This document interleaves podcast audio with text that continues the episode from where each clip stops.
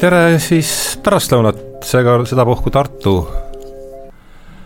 Kuku raadio stuudiost oleme siis äh, salvestamas äh, tähend- või alustame Tähenduse teejuhtide kahesaja viieteistkümnenda vestlusringi salvestust ja nagu ikka, on meil siis äh, stuudios kaks külalist, tere tulemast, Jaak Ikas. tere. ja tere tulemast, Tanel Tammet. tere ei jõudnud üle vaadata, Jaak, sina oled ikka juba õige, õige mitmendat korda, sa oled peaaegu meil nagu püsiatraktsioon. kardan eksida, ütleks umbes number seitse. võib-olla küll jah, aga Taneliga koos kas teist korda? kipub kolmas. ei, kolmas, kolmas, kolmas, kolmas, jah, kolmas, kolmas jah, muidugi jah. kas ma mäletan, oli Reaalsuse tagune reaalsus oli ühe saate pealkiri ja teine, mis mulle jäi eriti meelde, kus ma lõikasin ka pärast selle klipi, kui ma küsisin, et seda kommentaari äh, Einsteini väidetava lause kohta, et tal on võtta Dostojevskit rohkem kui, äh, kui Kaussilt, see meie kuidagi need mõlemad vastused mulle väga jah, oli veel meeles, et peaks need saated uuesti nüüd üle vaatama enne siia tulekut, aga ei jõudnud nii kaugele. ei jõudnud ja mul on olnud ka niisugune, et äh, siin laadida ei ole olnud viimasel ajal ainult tulist, ainult äh, ainult tulistada, aga äh, saatel on ka teema õnneks. Ja eks need saate teemad on välja kasvanud äh, teistest saadetest. ja, ja see viib meid tagasi, ma arvan, et me rääkisime Jaaguga võib-olla suvel või oli järsku oli see pärast seda juubelisaadet, kus sa olid Gerri Kotaga, Teaduse tulevik number kakssada ma arvan, et see, ma arvan, et see võis olla pärast küll, seda, et mida, mis me edasi teeme siis. sealt jäid huvitavad teemad ülesse ja ja siis ma rääkisin Jaagule, et kui nüüd see, no selleks ajaks oli kakssada saadet tehtud, et kui ma nüüd hakkan, ütleme, et mis mul kohe nendest seni kuuldust meelde saanud, kakssada saadet on ikka ligi nelisada tundi juttu, et on jäänud meelde eelkõige kaks lauset, ühe ütles Assa Krull, et kui on, asi on huvitav, siis ta on järelikult ka vajalik. see kuidagi kõlas minuga väga kaasa. ja teise lause pillas Jaak ei mäleta, mis saates, aga ütles ta siis, tsiteeris John von Neumanni, et mõni asi on nii keeruline, et selle asja parim mudel on see asi ise. ja see jäi mulle ka kuidagi, kuidagi kõrva ja pähe tiirlema ja siis mõtlesin, et teeme John von Neumannist saate ja ja kui me küsi-, kui küsi-, kes võiks olla vestluspartner, siis Jaak hetkegi viivitamata ütles, see võiks olla Tanel Tammet ja siin me nüüd oleme. sellepärast, et temaatiliselt on niimoodi, et see John von Neumanni põhitegevus on Tanelile temaatiliselt lähedasem kui minule. Noh, tal on ka füüsikas oma, oma tegemised seal, aga, aga, aga tema põhisaavutused ei ole mitte füüsika vallast. jah, ja ma eile, eile, eilses saates ütlesin, et, et ta on füüsik, aga siis ma juba sain aru, et ma panin ju jälle mööda. Et füüsik, noh, füüsikas on suured panused, aga füüsikuks me teda ikkagi nimetada vist ei saa, ta on ikka eelkõige matemaatik või läheme, kes, ta on, ta on ikka selline Kistu on. selline veider universaal, niisugune ebaharilik, äh, ebaharilik kõiki valdkondi kattev õpetlane, jah. jah, ta on selline nagu natuke Goethe-laadne või? Ma ütleks isegi. jah, ja seetõttu väga huvitav, eks aga kuidas, mina jõudsin läbi vaadata dokumentaalfilmi temast äh, siit ja sealt, tütrega vaatasin intervjuu läbi siit ja siit ja sealt, et hakkame elukäigust pihta, mida me tast, mida me temast üldse teame. et ma nüüd olen tänases saates küll valdavalt kuulaja rollis, et. Jaak, kas sina tahad rääkida tema elukäigust? No ma siis alustaksin vähemasti. ja vaatame, kus siis sinna. ta sündis aastal tuhat üheksasada kolm Budapestis rikka juudi pankuri perekonnas. ja noh, eks tema need anded ilmnesid juba varakult, aga ja e, matemaatika poole teda tõmbas, aga, aga vist ka, ka isa soovitusel või tema see hariduskäik, tähendab, ta, ta omandas ka äh, Zürichist, see on siis äh, tehnoloogia instituut või Eidgenössische Tehnische Hochschule omandas äh, keemiadiplomi, keemikudiplomi. Aga, aga, aga PhD või, või doktor Budapestis matemaatika alal. aga küllap see, see noh äh, küllap see keemikugi haridus või ei, ei jooksnud mööda külgi pähe ja maha ja, ja ennast pärast võib-olla kusagil, kusagil ilmutas, tähendab öö, öö, oma doktori tema kaitses, mis aastal ta kaitses? Budapestis kaitstes kahekümne kuuendal aastal ja pärast seda oli, oli, oli Bostokis, Göttingenis, kus puutus siis kokku sellise esimese suurujärgu matemaatilise tähega nagu Hilbert. Hilbert oli siis tema noh, vist isegi õpetaja või juhendaja või, või mida, midagi taolist. mis see Hilberti eesnimi on? Vaata järgi. David. David. vaata kohe on, on. on jah? on jah. Hilberti ruum, eks. jah, Hilberti ruumidega tema, tema, tema ka, äh, ka tegeles. ja pärast seda, kui, kui ta oli siis oma postdoc'is, ta sai kahekümne üheksandal või kolmekümnendal aastal sai Princetonist, sai Ameerikast, siis sai Princetonist, sai mingisuguse noh, stipendiumi või, või, või, või sedasi. ja äh, tema kohta on öeldud ka niimoodi, eks noh, Saksamaalt ju, kui tuli Hitler võimule, neid juute läks sealt ikka karjas minema välja Ameerikasse aga äh, von Neumanni kohta on öeldud, et tema nagu ei olnud selles mõttes selline pagulane või, või et talle lihtsalt nagu Ameerika väga meeldis või oli tulusam, ühesõnaga see ilmselt. ta läks juba enne Hitlerit, eks ole, kolmekümnendal. ta läks jah, natuke varem kui teised, jah, see on jah. aga, aga sealt sel ajal läksid inimesed muidugi, hiljem läksid massiliselt ju ära. Et nad läksid massiliselt Austria-Ungarist ära, et Viinist äh, Budapestist igalt poolt, eks ole, nad põhiliselt läksid Ameerikasse. noh, osa läks Inglismaale ka, aga põhiliselt sinna.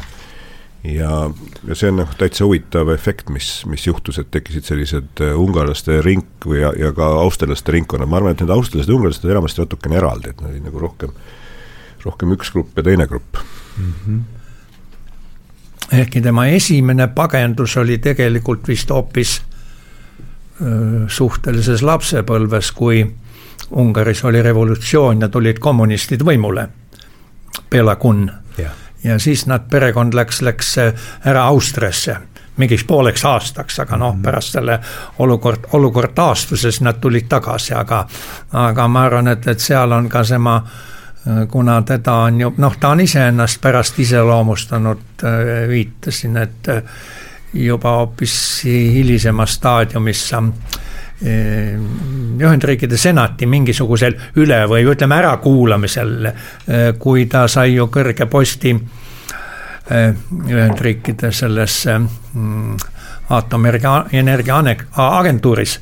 ma oletan seoses sellega siis ka temaga vestelda seal ja pärit ja siis ta iseloomustas ennast kui ägedat antikommunisti ja, ja, ja, ja, ja, ja normaalsest eh, palju suuremat sõjardit jah, see mulle see on nagu... tema, tema enda iseloomustamiseks on, on, on ta öeldud.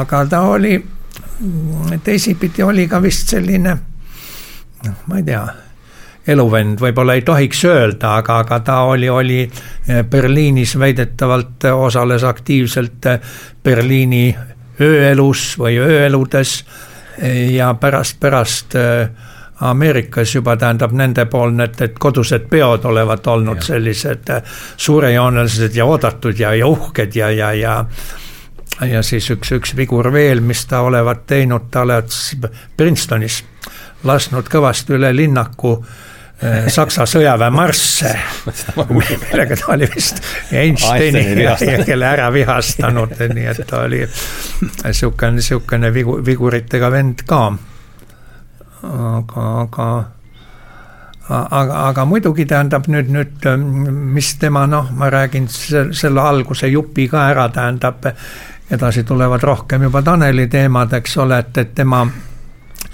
oma füüsikalist kuulust, kuulsust või õigemini tema füüsikas on, on ütleme niimoodi, et, et umbes kaks sellist erinevat panust või poolust. üks on see, et, et ta andis äh, tollal juba, juba arenenud või arenema hakanud kvantmehaanikale, noh, kus olid sellised nimed nagu, nagu Schrödinger ja Heisenberg ja kes olid loonud nagu väga selliseid erinevaid teooriaid, mis, mis noh, ei, ei olnud selge, kas need üleüldse kuidagi kokku õnnestub panna. aga siis äh, John von Neumann viis nad kokku ühel sellisel üldisemal või kõrgemal alusel noh, vot need, needsamad Hilberti ruumid, millest sa rääkisid, et, et ta, ta näitas, et, et, et see kogu see matemaatiline matemaatiline aparatuur või sõnastus, see on, on, on teatud tüüpi noh, matemaatiliste objektide eh, operaatorite teatud süsteem või algebra, eh, mis mõjuvad selles Hilberti ruumis või Hilberti ruumi vektoritele. ja see oli nagu tema selline fundamentaalne panus, et, et ta viis selle mm, noh, kvantmehaanika mõistmise või matemaatilise mõistmise või, või palju, eh, palju sügavamale tasemele. aga, noh, ega, ega ega teda seepärast füüsikas just nii väga palju ei hinnata, ma ütleks mm. -hmm. kuna, kuna noh, mida me, mida me koolis õpime või ka ülikoolis ja kvantmehaanika kursusest ikka räägitakse Schrödingerist ja räägitakse Heisenbergist ja, ja, ja John von Neumanni võib-olla ainult nimetatakse kusagil, noh, umbes sama palju, kui meie praegu nimetame. aga, aga, aga, aga tema, tema jah, ja aga, aga teine asi siis, millega ka ta, ta hiljem tegeles juba Ameerikas, see oli siis juba selline rakendusmatemaatika, ma ütleks, kõik need noh, plahvatuste ja lööklainete ja taoliste numbrilised rehkendused ja, ja modelleerimised ja, ja, ja eh, noh, see oli siis selline tema rakendusmatemaatiline panus. aga eh, noh, tal on veel väga palju muid igasuguseid panuseid, mida Tanel võib-olla mõnda neist nimetab mm ma võtan siis natuke selle otsa üle, aga, aga ma teeks vahepõike sellesse, et et, et kui, kui Jaak Oog ütleb, mina peaks midagi nimetama, siis ma, siis ma räägiks oma, oma nagu varasemat äh, teadmist von Neumannist ja nüüd, kui ma olen natukene pikemalt uurinud, et kuidas see on veidi muutunud, et, et see varasem teadmine on mul olnud umbes selline, et ma olen ju kuna, kuna ma olen arvutiteadusega siin eluaeg tegelenud, siis, siis seal on selline kuulus mõiste nagu von Neumanni tüüpi arvuti ja põhimõtteliselt praktiliselt kõik arvutid ongi von Neumanni tüüpi ja, ja see iseenesest tähendab lihtsalt seda, et, et, et, et arvutiprogrammi hoitakse tavalises mälus, et noh, arvuti on mälu ja, ja põhimõtteliselt me võiksime arvutit teha ka niimoodi, et, et arvutiprogramm ei ole seal mälus, vaid on mingi eraldi masin mm. -hmm ja, ja mis tegeleb mäluga, loeb ja kirjutab sealt, eks ju aga, aga Neumann propageeris sellist lähenemist, et hoiame seda programmi ennast ka mälus, et siis on temaga parem tegutseda ja noh, siis saab äh, programmi, programm saab ennast ise muuta või teha uusi programme, mis võib-olla praktikas ei olegi nii oluline, aga temaga on tunduvalt kergem manipuleerida ja teisendada igal juhul. ja, ja siis ma olen kokku puutunud ka sellise hulgateooria teemaga, et, et kui hulk, hulgateooriat aksimatiseerida, siis on mitu erinevat aksiomaatikat ja üks nendest on selline, kus von Neumann oli üks osaline või nagu alustas sellist sorti aksiomaatika tegemist ja siis hiljem teised vennad tegid seda, tegid seda paremaks, detailsemaks noh, palju, palju inimesi, kes sellega tegeles. Ja, ja siis ma muidugi teadsin, et ta oli kuigivõrd seotud tuumapommi ehitamisega ja teda peetakse selliseks universaalseks geeniuseks, et see on see, see selline nagu standardpilt, mis minu moodi, minu kogemusega inimestel on von Neumannist ja see, et ta füüsik ja keemik oli, ma arvan, seda ma isegi ei teadnud. ja, ja, ja nüüd, kui ma olen natukene rohkem süvenenud, siis, siis paar asja, mis paistavad silma on, on kohe see, et ükskõik, kus von Neumannist lugeda, siis enam-vähem alustatakse sellega, et ta oli universaalne geenius. niisuguse ekstremaalselt kõrge IQ-ga äh, lapsgeenius.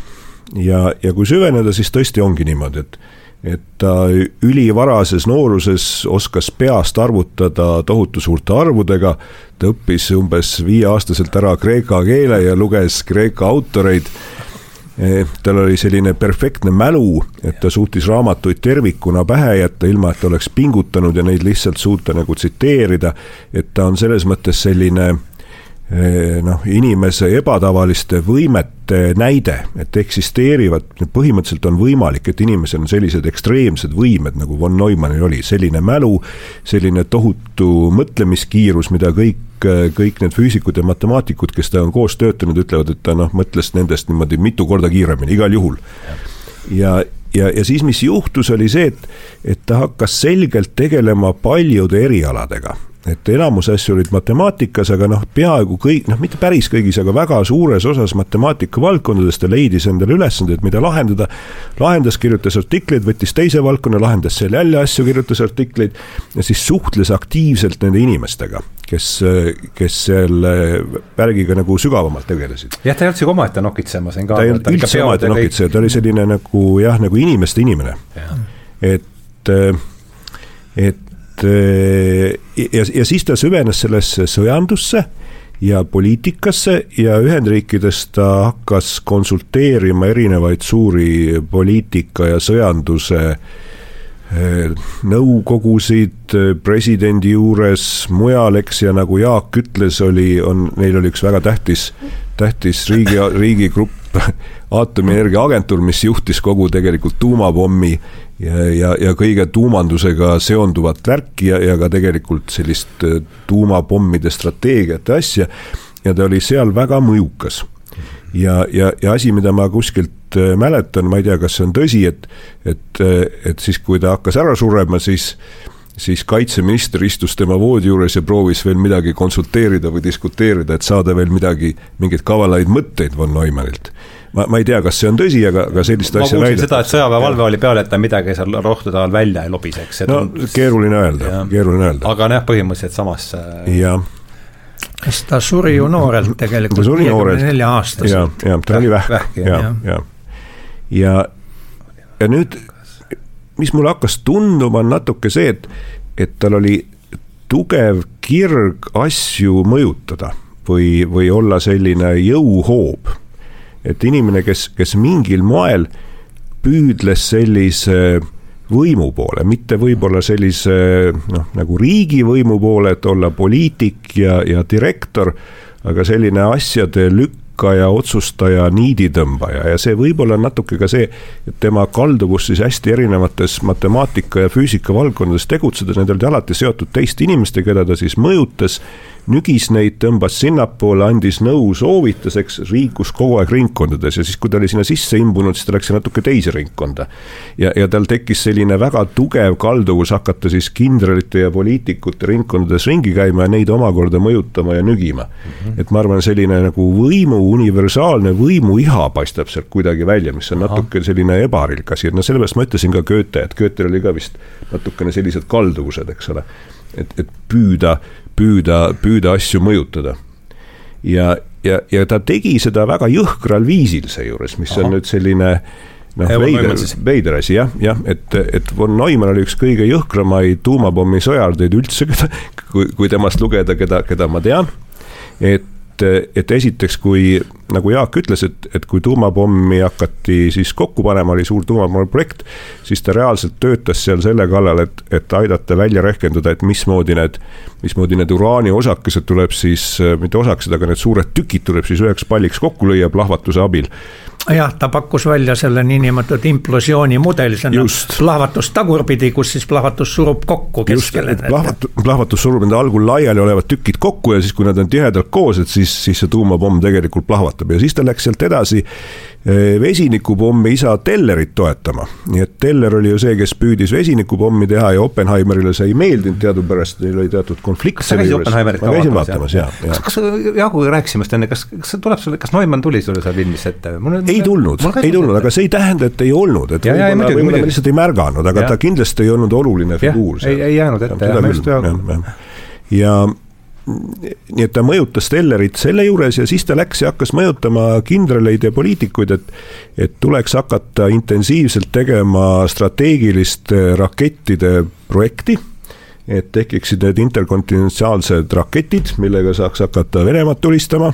et kui seda ruttu ei tee, et siis Venemaa jõuab ette ja, ja. mis peaaegu juhtuski. mis peaaegu juhtuski, jah ja, ja seejuures üks tema kaastöötajaid oli ka see mees, kes siis venelastele palju saladusi välja lobises. no, noh, sellepärast, et tal ilmselt oli väga palju kaastöötajaid. ja nüüd, mis, kui asi läheb nüüd natuke jõhkramaks, on see, et, et kui, kui Ühendriikides otsustati Jaapanit tuumapommitada siis tema muidugi oli selles komitees, kes otsustas, et, et kas pommitada, mida pommitada, ta väga toetas pommitamist ja konkreetselt ta soovitas pommitada Kyotot esimesena ja see oli tema otsene selline surve, et Kyotot pommitada, aga president pani sellele veto, ei olnud nõus Kyotot pommitama. ja, ja hiljem püüdis äh, von Neumann survestada survestada kogu seda poliitilist militaarestablishment'i, et tuleks anda Venemaal või Nõukogude Liidule, sel ajal tuleks anda Nõukogude Liidule ennetav tuumalöök.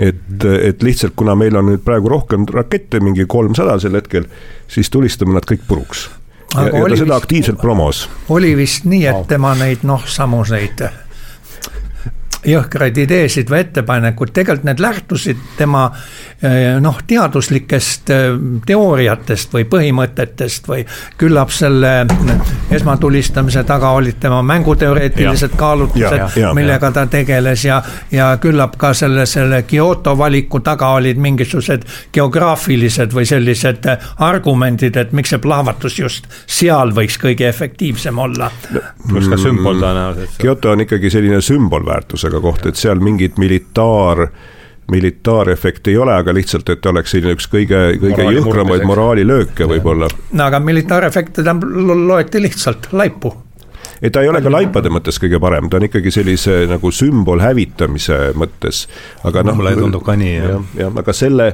selle aga... efekt oleks olnud väga etteennustamatu tegelikult, noh, seal on palju põhjusi, miks seda ei tehtud ja jumal tänatud, aga aga noh, see näitab tema sellist äh, ebaharilikku, veidrat, jõhkrat iseloomu ja, ja samas räägitakse, et ta oli niisugune pigem omavahelist, inimestevahelist suhtlemist. jaa, väga tore mees, leebe, sõbralik, tore mees, jah, jah. Võta, aga võta, kuskil hingesügavuses oli mingi mootor, mis sundis teda pidevalt sedasi no, no ilmselt seesama, mis sa ise tõid välja, see pagendus selle Bela Kuni režiimi ees, ma arvan, selles sellises no, vanuses. mingid lapsepõlvearmid jah, võisid ju jääda, jah. ma, ma kujutan ette, et see mm. -hmm. no siin on mitu, mitu moodi, kuidas, mitmet moodi edasi minna. no me oleme siin rääkinud äh, ju kvantmehaanikast äh, varemgi korduvalt, korduvalt üritanud ja aga, aga see Hilberti nimi, kas, kas, mis sa arvad, kas on üldse, otsustame selle nüüd käigu pealt ära, kas on üldse mõtet minna sinna, mingit ettekujutust, mis mis asi see Hilberti ruum siis ikka on ja mis äh, kas selle, kas sellest on võimalik äh, mingil moel arusaadavalt niimoodi, üritame vähemasti noh, Hilberti ruum on kuidas teda nüüd defineerida? kas see on siis nüüd, ütleme, kas ta on, teeme kõigepealt siis selle selge, kas ta on Eukleidese ruumiga sama, sama siis sellise, ütleme, tasandi kategooria, kategooria mõiste või, või? noh, ta on, on, on, on eh, teadussarnased on selles mõttes, et nad, et mõlemad on vektorruumid, see tähendab, et, et seal on sellised noh dimensioonid. dimensioonid, eks ja. ole, aga Hilberti ruum põhimõtteliselt võib olla ka lõpmatu dimensionaalne, tähendab noh, mitmetes kvantmehaanika probleemides ongi lõpmatu dimensionaalsed eh, Hilberti ruumid. aga noh, neid vektoreid saab, saab liita ja lahutada ja kombineerida ja, eh, ja neil on, on oma kindel pikkus või, või, või norm või, või, või seal on skalaarkorrutis, üks selline matemaatiline operatsioon defineeritud, millega erinevaid võrdvektoreid saab, saab, saab, saab võrrelda, aga nojah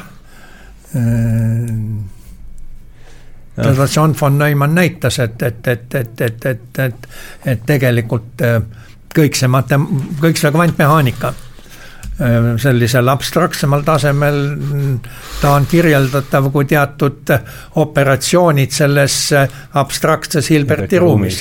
ja seal Hilberti ruumi noh, vektorid on siis kvantmehaanilise süsteemi olekud mm, -hmm. mida siis noh, jah.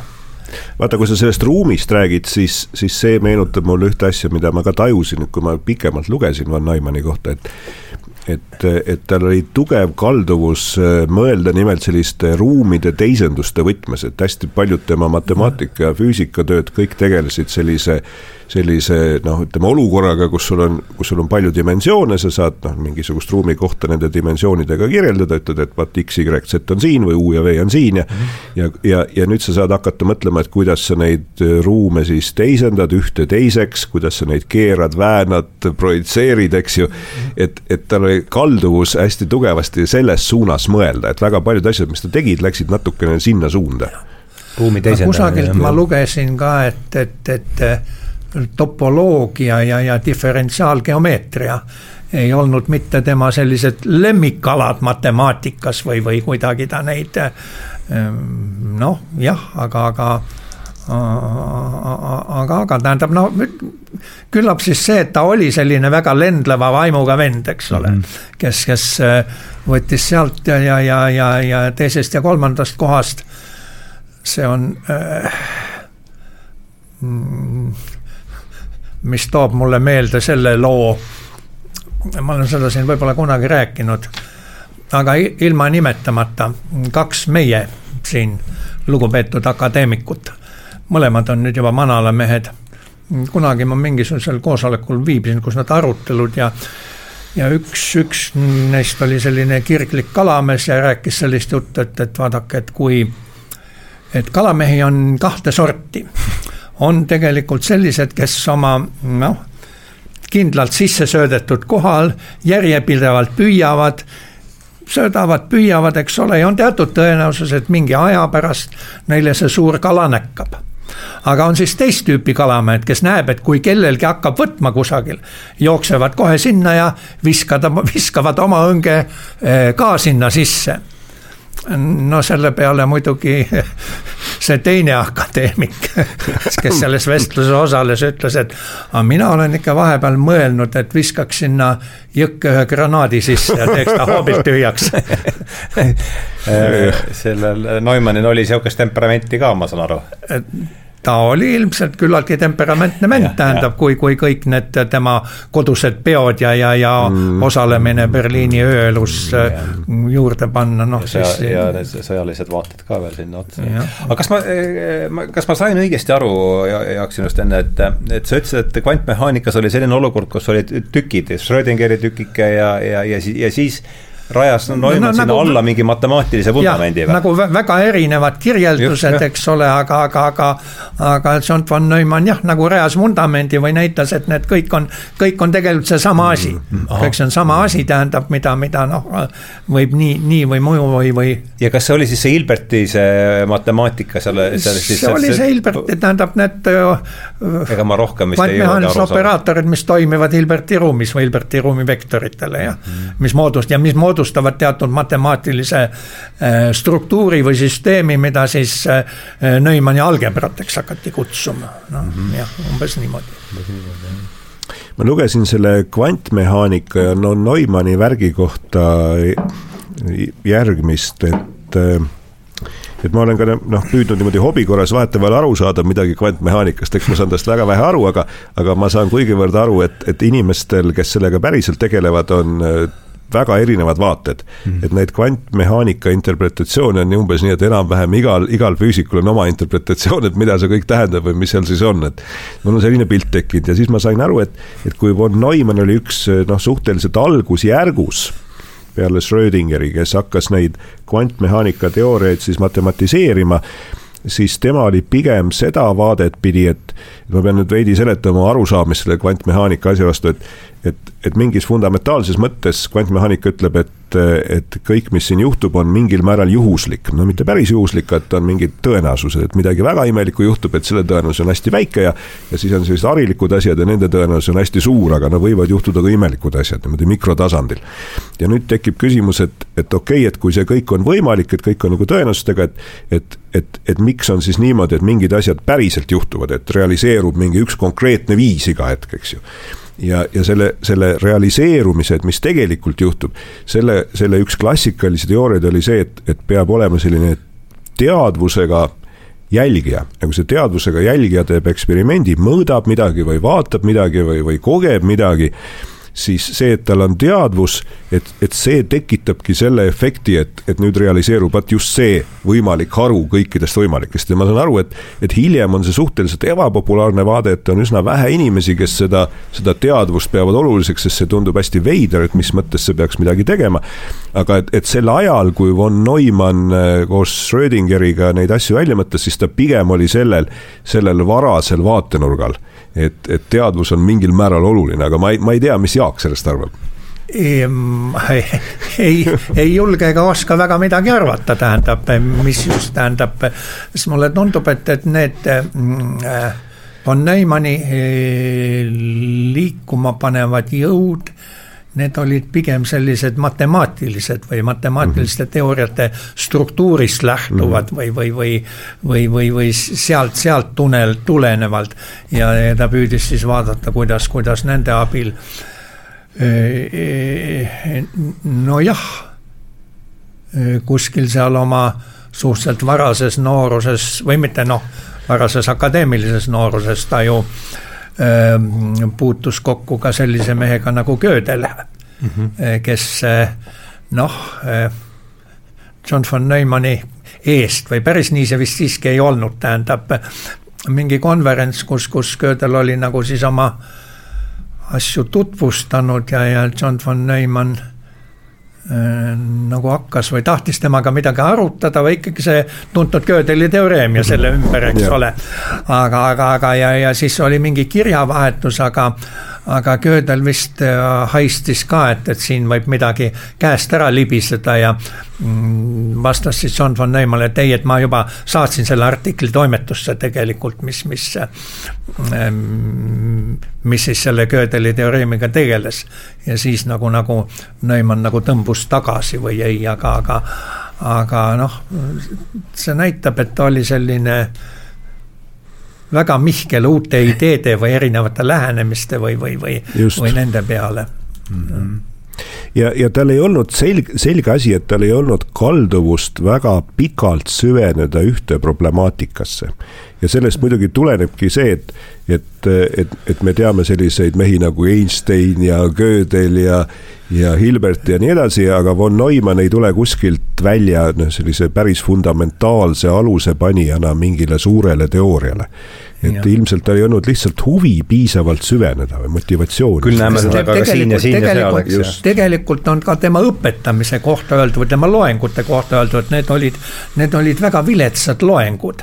või väga kehvasti organiseeritud, tähendab ta kuidagi noh, kiiresti kustutas midagi maha jälle, mida ta seal ise või, või niimoodi, aga samal ajal, kui võtta ette mingisugune päris konkreetne probleem siis selle suutis ta küll väga briljantselt lahti ja ära seletada, kui, kui mm, -hmm. kui niimoodi äh, fokusseeruda sai, aga mingisugust sellist suuremat või süstemaatilist lähenemist, et, et seal nagu noh mm, küllap tema mõte jooksis lihtsalt palju kiiremini kui, kui enamusel kuulajatel ja, ja seetõttu seal need ebakõlad, aga, aga seda on nimetatud, et, et lektorina ta just nii kõige suurem noh, täht ei olnud aga mis mulle veel tuli meelde, et, et tema matemaatiliste võimete kohta on ka niimoodi öeldud, et, et kui, kui teised matemaatikud tõestasid, mida suutsid, siis John von Neumann tõestas, mida tahtis.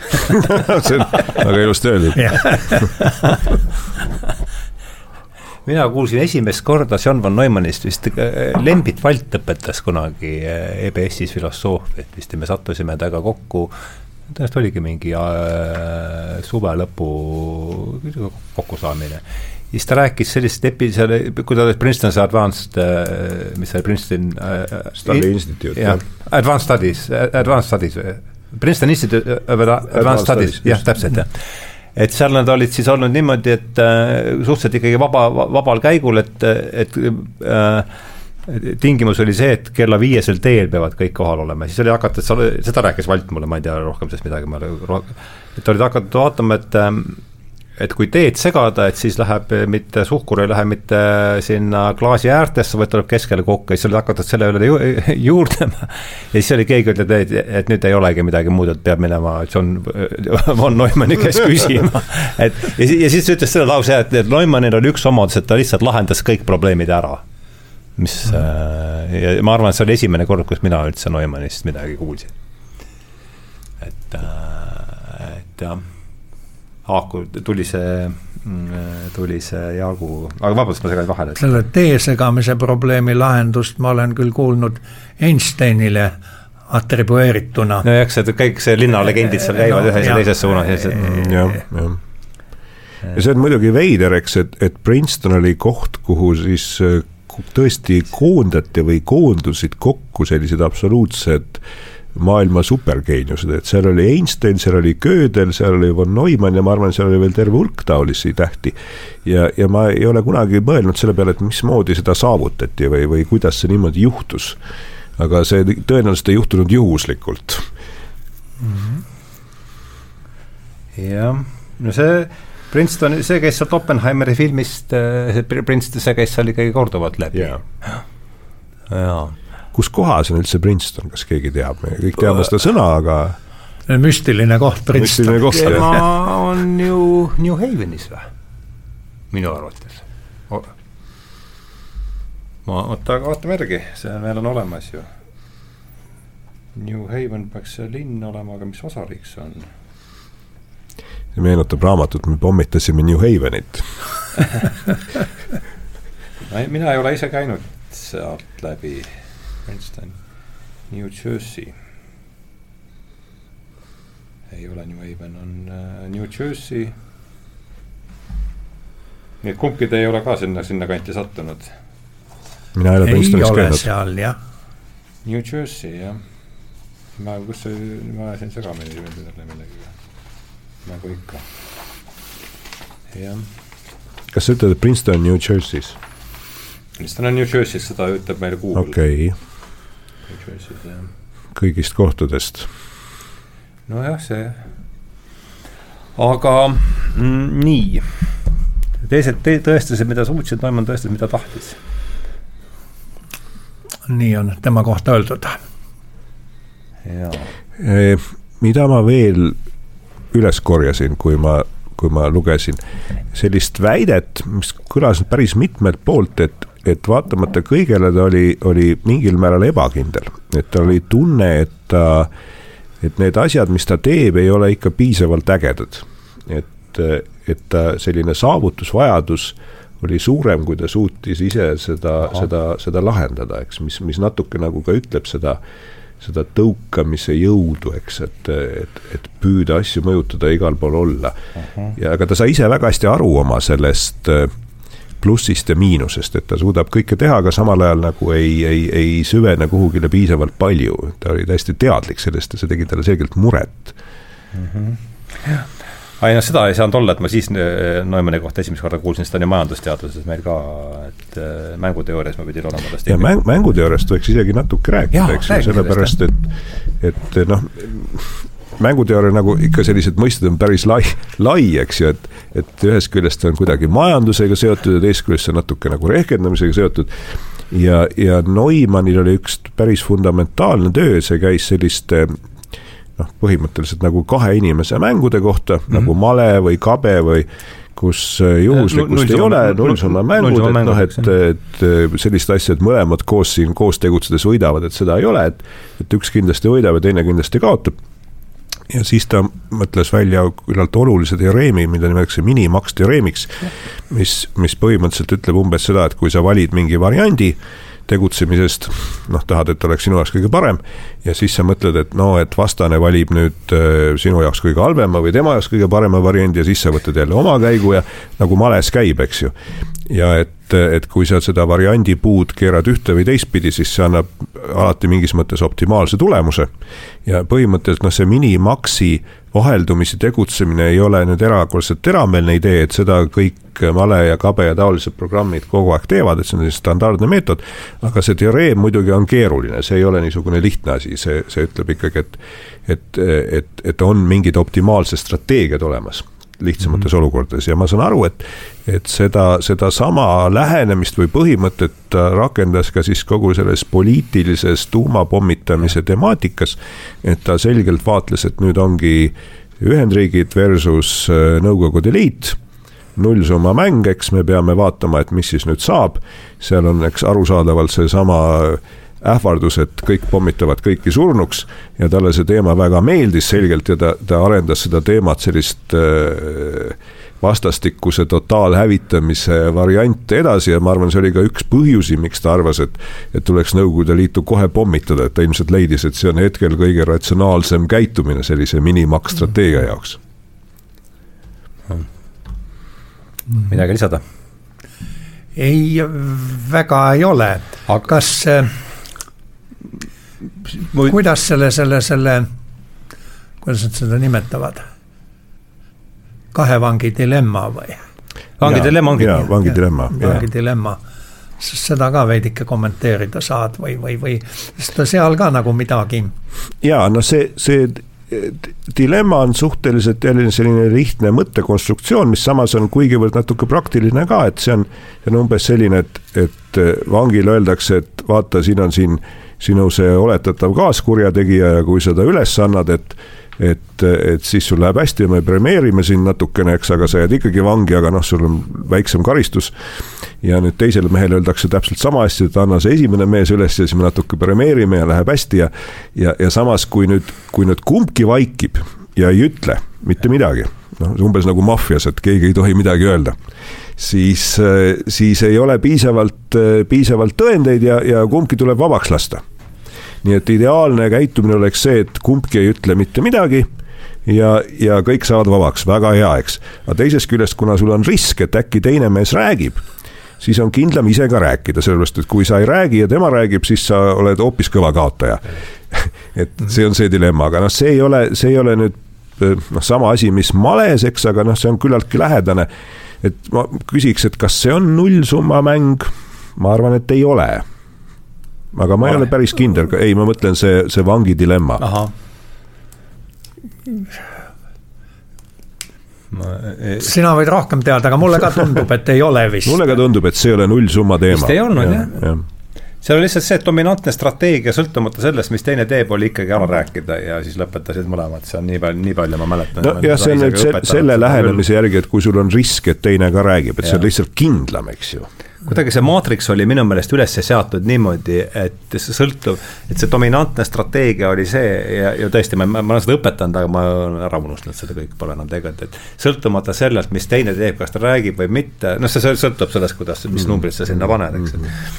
et klassikaline näide oli see, et, et sõltumata sellest, mis teine teeb, sinu strateegia on igal juhul parem on ära rääkida, kuigi no jaa, aga see, no me teame, et, et see igas olukorras ei ole, eks see sõltubki täpselt nagu sa ütled, et mis numbrid sa sinna no, paned ja mis tõenäosused seal on ja nii edasi, eks ja. ja kui sa võtad sellise maffia olukorra ja sul on vähe inimesi, siis ilmselt praktika näitab, et nad üldiselt kaldusid mitte rääkima ja nad rääkisid siis, kui, kui neid vastaspooli oli väga palju, et on küllalt suur tõenäosus, et keegi ikka räägib, eks ju. et ja, siis on juba mõtet rääkida. kas mängitakse mitu korda ja kas seda mängu mängitakse, seal muutusid kohe asjad, eks ma mäletan jah. Mm -hmm mõneti asümmeetriline variant, et kas uskuda Jumalat või mitte uskuda. no parem, parem on ikka uskuda, sellepärast et, et, et kui teda olemas ei ole ja sa usud, noh, ei juhtu midagi halba.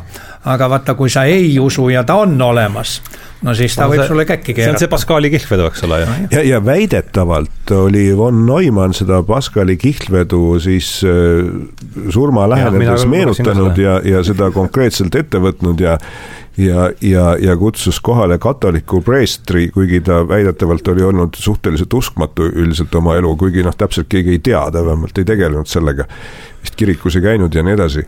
ja, ja, ja ta väidetavalt jah, seda, seda nagu võttis ette ja püüdis ikkagi, püüdis ikkagi katoliku preestriga midagi ette võtta mm,. seda, seda ma, seda ma kuulsin ka, jah.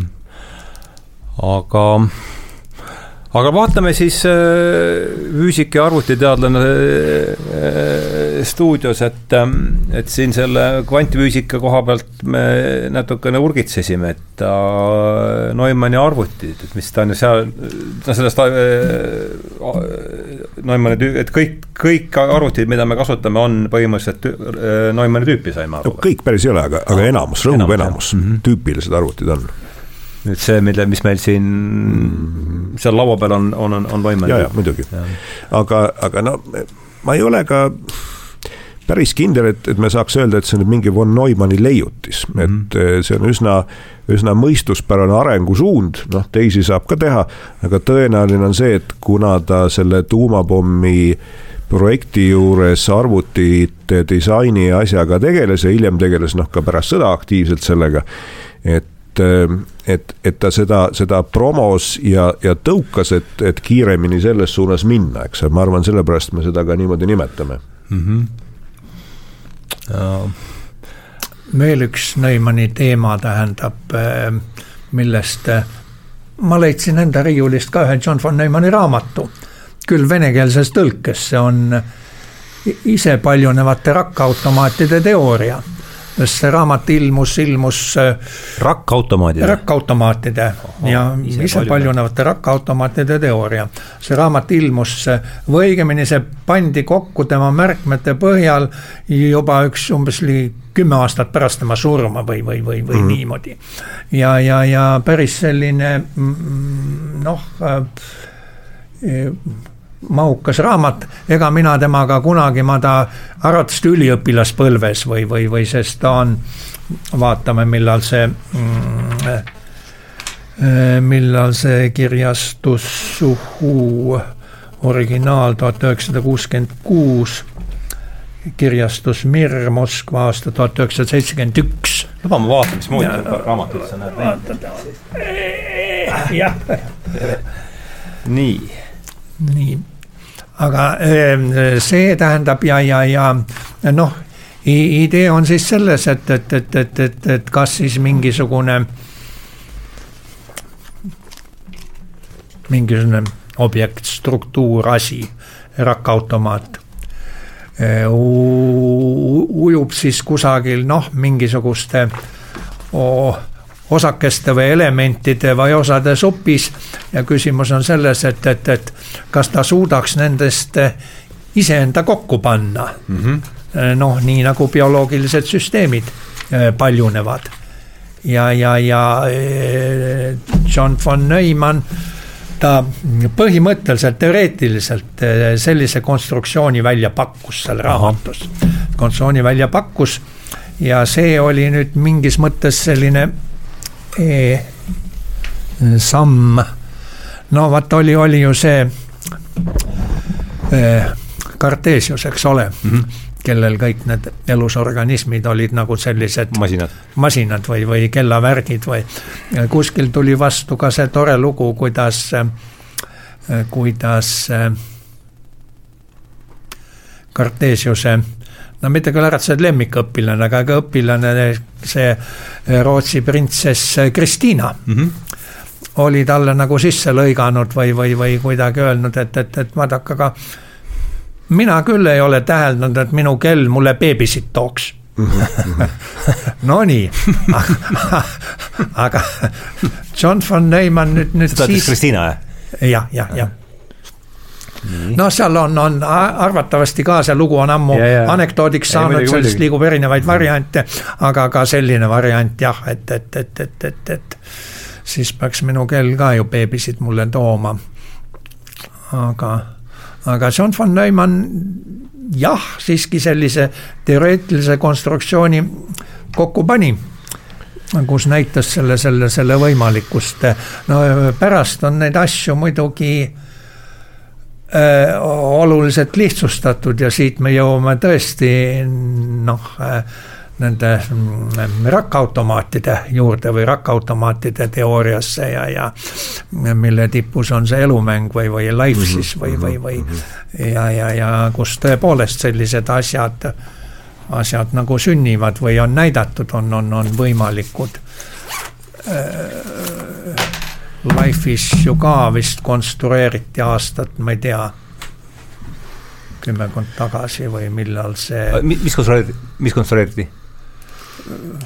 konstrueeriti üks, üks isepaljunev struktuur, tähendab, mis Aha. suudab enda sarnaseid toota. no Life'is on, see on ju, ju lihtne, see on, et, et ruudulisel väljal on kas must või valge ruut, eks ole, ja siis kuidas siis järgmisel sammul tekivad uued, uued seisundid või, või, või uued ruudud, sõltuvalt sellest, mis on, milline on ruudu enda olek ja tema naabrite, naabrite olek. Eh, naabrite olek tähendab, see on veel üks koht, kus see ehm, John von Neumanni nimi sisse tuleb või on, mida nad nimetavad selleks John von Neumanni naabruseks. see on mm -hmm. siis eh, ruut vasakule, ruut paremale, ruut üles, ruut alla, eks ole mm. -hmm. Life on veidike või see elumäng on veidike suuremal väljal, üheksa naaberruudu baasil on mm -hmm. defineeritud aga, aga seal on siis, siis jah, noh omaette hargnev teema muidugi, kus, kus, kus, kus. aga me võiksime seda natuke edasi arendada, et vaata nagu ja see hakkab selle juba natuke selle sinu viimase artikliga minu meelest hakkab sinnapoole minema. sa rääkisid selle alguse asja täitsa ära, eks ma kordan korra üle, eks, et kuidas see süsteem käib, et nagu sa ütlesid, et võtame ruudulise paberi ja värvime mõned ruudud mustaks ja, ja, ja siis me võtame sellised, kirjutame lihtsalt üles mingi reegli, mis ütleb näiteks, et noh, et kui ruut on must ja ta, ta ümber on veel kolm musta ruutu, et siis ta peab minema järgmine samm valgeks, on ju no,. ja, ja kui on näiteks neli musta ruutu, siis ta jääb mustaks ja kui on viis musta ruutu, siis ta peab jälle valgeks minema, eks. ja, ja. see oleks siis mingi algoritm nagu? jaa, aga niisugused hästi lihtsad reeglid, et, et sul on nagu vaatad, mis siin on, eks, ja siis rehkendad iga ruudu jaoks, et kas ta nüüd järgmise järgmisel etapil peaks jääma mustaks või valgeks mm. -hmm vastavalt sellele, mis ta ümber on mm. -hmm. ja paned mingi väikse hulga reegleid kirja mm. -hmm. ja, ja nagu Jaak rääkis, et, et von Neumann oli üks selle, selle teooria alustajaid, kellel tundus, et oh, see asi on huvitav, et sellega võiks tegeleda, kuigi see tundub nagu lihtsakoeline, eks, et et noh, mis siis, eks, et me võime niisugused reeglid kirja panna. ja nüüd see, ma lugesin, et see teine mees oli Ulam, kes on ka silmapaistvalt kuulus ja, ja ma arvan, tegelikult kuulsam kui von Neumann isegi. mis, mis see, kuidas see nimi oli? Stanislav Ulam. Stanislav Ulam. ja, ja nad olid, ta kõlab nagu poolakas, aga ma ei tea tegelikult ah,. oli USA-s siis või? ja, ja nad olid mõlemad seal tuumapommi rehkendamise juures ah. ja, ja seal nad hakkasidki sellega tegelema. ja, ja see Jaagu kaasa võetud raamat ongi siis päris pikk, pikk kogus asju, kus, kus von Neumann arendab siis seda teooriat edasi, et kuidas siuksed noh, järgmine samm mustaks või valgeks minevad ruudud, et kuidas nad siis arenevad ja mis sellega teha saab, aga see lugu läheb, eks muidugi hullult edasi, sellepärast et jällegi sa ütlesid, et Game of Life ja see on John Conway, kes seda populariseeris ja, ja töötas välja igasuguse suure hulga niisuguseid huvitavaid reegleid, et katsetas nendega, et no mismoodi teha, eks, et sa võid ju igat moodi öelda, et et kui on noh, kolm ruutu ümber, siis läheb mustaks või et kui on neli ruutu ümber, siis läheb mustaks, siis sa võid teha keerulisemaid reegleid ka, eks ju. ja keegi ei ütle, et sa ei võta seda suuremat pinda, mille kohta Jaak teadis teadis, et see on, on Neumanni ruum, et see, see ümbruskond, mida siis vaadatakse, eks ju. ja, ja tõepoolest, et selle, selliste asjade jaoks on tegelikult väga ammu juba Conway poolt näidatud, ma arvan, et ka no vot Neumanni poolt, kuigi ma ei tea, et Conway, sa võid. mis tema eesnimi võiks olla? John Conway minu meelest, C-tähega mm, -hmm. et, et sa võid Amat teha, jaa, sa võid teha väga selliseid hämmastavaid äh, konstruktsioone, et teed sellise väikse konstruktsiooni ja siis hakkavad asjad ringi lendama ja genereeruma ja ja paljunema ja, ja, ja sellega saab teha tegelikult arvuteid ja kõiksuguseid asju, mis hakkavad tegelikult nagu rehkendama, et noh, sellised nagu päris rehkendusmasinad on välja mõeldud, mida sellise ruudulise paberi peal saaks siis teha, noh, käsitsi ei jõua, eks, aga arvutiga on õudselt mõnus teha ja sa võid mm -hmm. ise katsetada ja seda on põnev vaadata. ja nüüd see asi läheb edasi, see story, sellepärast et et äh, ma arvan, kuskil kümme aastat tagasi vähemalt üks päris kuulus vend, Steven Wolfram, kes, kes on teinud Wolfram äh, matemaatika nimelise matemaatikaprogrammi, mis on nagu hästi kaua aega olnud populaarne ja siis on teinud äh, Wolframi saidi ja noh, päris võimsad asjad, ta on päris võimas selline matemaatika ja natuke tehisintellekti firma. Tal tekkis entusiasm nende asjade kohta ja ta hakkas ehitama sellist füüsikateooriat, kus ta püüab konstrueerida sellise, sellise vaate maailmale, et kui maailm oleks, koosneski sellistest noh, nagu diskreetsetest väikestest juppidest, et, et kirjutamegi üles reeglid, kuidas mingi hetk jälle mingi ruumiosake on, eks ju, vastavalt sellele, mis ta ümbruskonnas on. ja siis ta püüab mõelda, mõelda välja, et kuidas me saaks sellise reaalse teadaoleva füüsika siis niimoodi selliste, selliste ruumiteisendustega genereerida. Ja mulle see kõlab ka natuke jällegi selliste ruumiteisenduste moodi, noh, kuigi seal ruumi otseselt ei teisendata, aga aga asju, mis seal sees on, aga Wolframi jaoks teisendatakse juba ruumi ka, et tal, tal on noh, ma, ma muidugi väga entusiastlik ei ole, et, et sellise ülikeerulise viisiga me kuhugi jõuame, aga aga noh, Wolfram on silmapaistvalt tark mees ja, ja tõenäoliselt ta midagi huvitavat sealt ikkagi leiab, ma ei oska öelda, mida, eks. aga ta väga, väga aktiivselt seda ehitab ja tal on isegi uus raamat, mis ütleb, mille nimi on Uut tüüpi teadus mis, mis püüabki siis kogu füüsikat. Wolfram mees nimi oli? Steven, Steven, mis püüab, püüab siis äh, nagu panna aluse või esialgsed ideed selle kohta, et, et kuidas siis kogu selline füüsika võiks olla sellest, sellest ehitatud ja ma arvan, et ta ise usub seda, et nii ongi mm. -hmm. et, et maailm koosnebki sellistest, sellistest reeglitega ehitatud äh, sammukestest. tema ju äh, ta tegeles alguses kõigepealt eh, ühedimensionaalsete rakkautomaatidega, eks ole. sa räägid Neumannist? ei, ei, ei, Wolframist.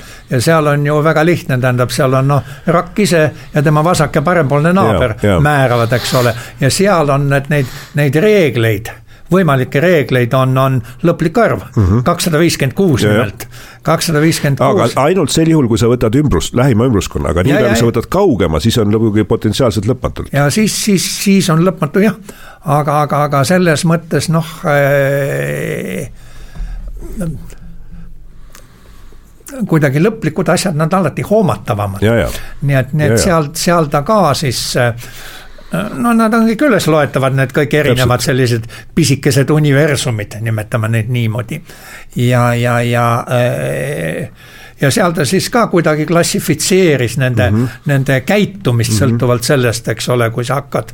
esialgu on, ütleme, et, et üks, üks, üks üks punkt, üks punkt on, on, on, on must ja kõik ülejäänud valged, eks ole, kuidas see asi siis evolutsioneeruma hakkab erinevate algoritmide korral ja ta seal noh, vist umbes kolm või neli või sellist põhimõtteliselt erinevat arengut või arengute klassi või, või, või, või tõi välja mingid, mingid äh, need, need, need, need noh, neil reeglitel on oma numbrid, saab anda just, lihtsalt just. teatud kindla skeemiga ja mingid olid eriti põnevad ja sest tema on mõne, siis sündinud viiskümmend üheksa, see Stephen Wolfram, ma saan, loen praegu. sest mõned reeglid on sellised, mis noh, ei anna midagi huvitavat, umbes et, et igal juhul must punkt kaob ära ja, ja siis ei juhtu midagi, sinna see jääbki, eks, ja ja mõned hakkavad siis genereerima selliseid Conway Game of Life'i tüüpi lõpmatult keerulisi struktuure, millega saab nagu arvuteid ja kõike potentsiaalselt teha, eks, loomulikult see tekitab ju sellise toreda tundekese, et et noh, et me võiksimegi ette kujutada, et on, ongi võimalikud maailmad, umbes nagu sa ütled, et iga reeglikomplekt on üks võimalik maailm ja siis me oleme juhtumisi selles maailmas.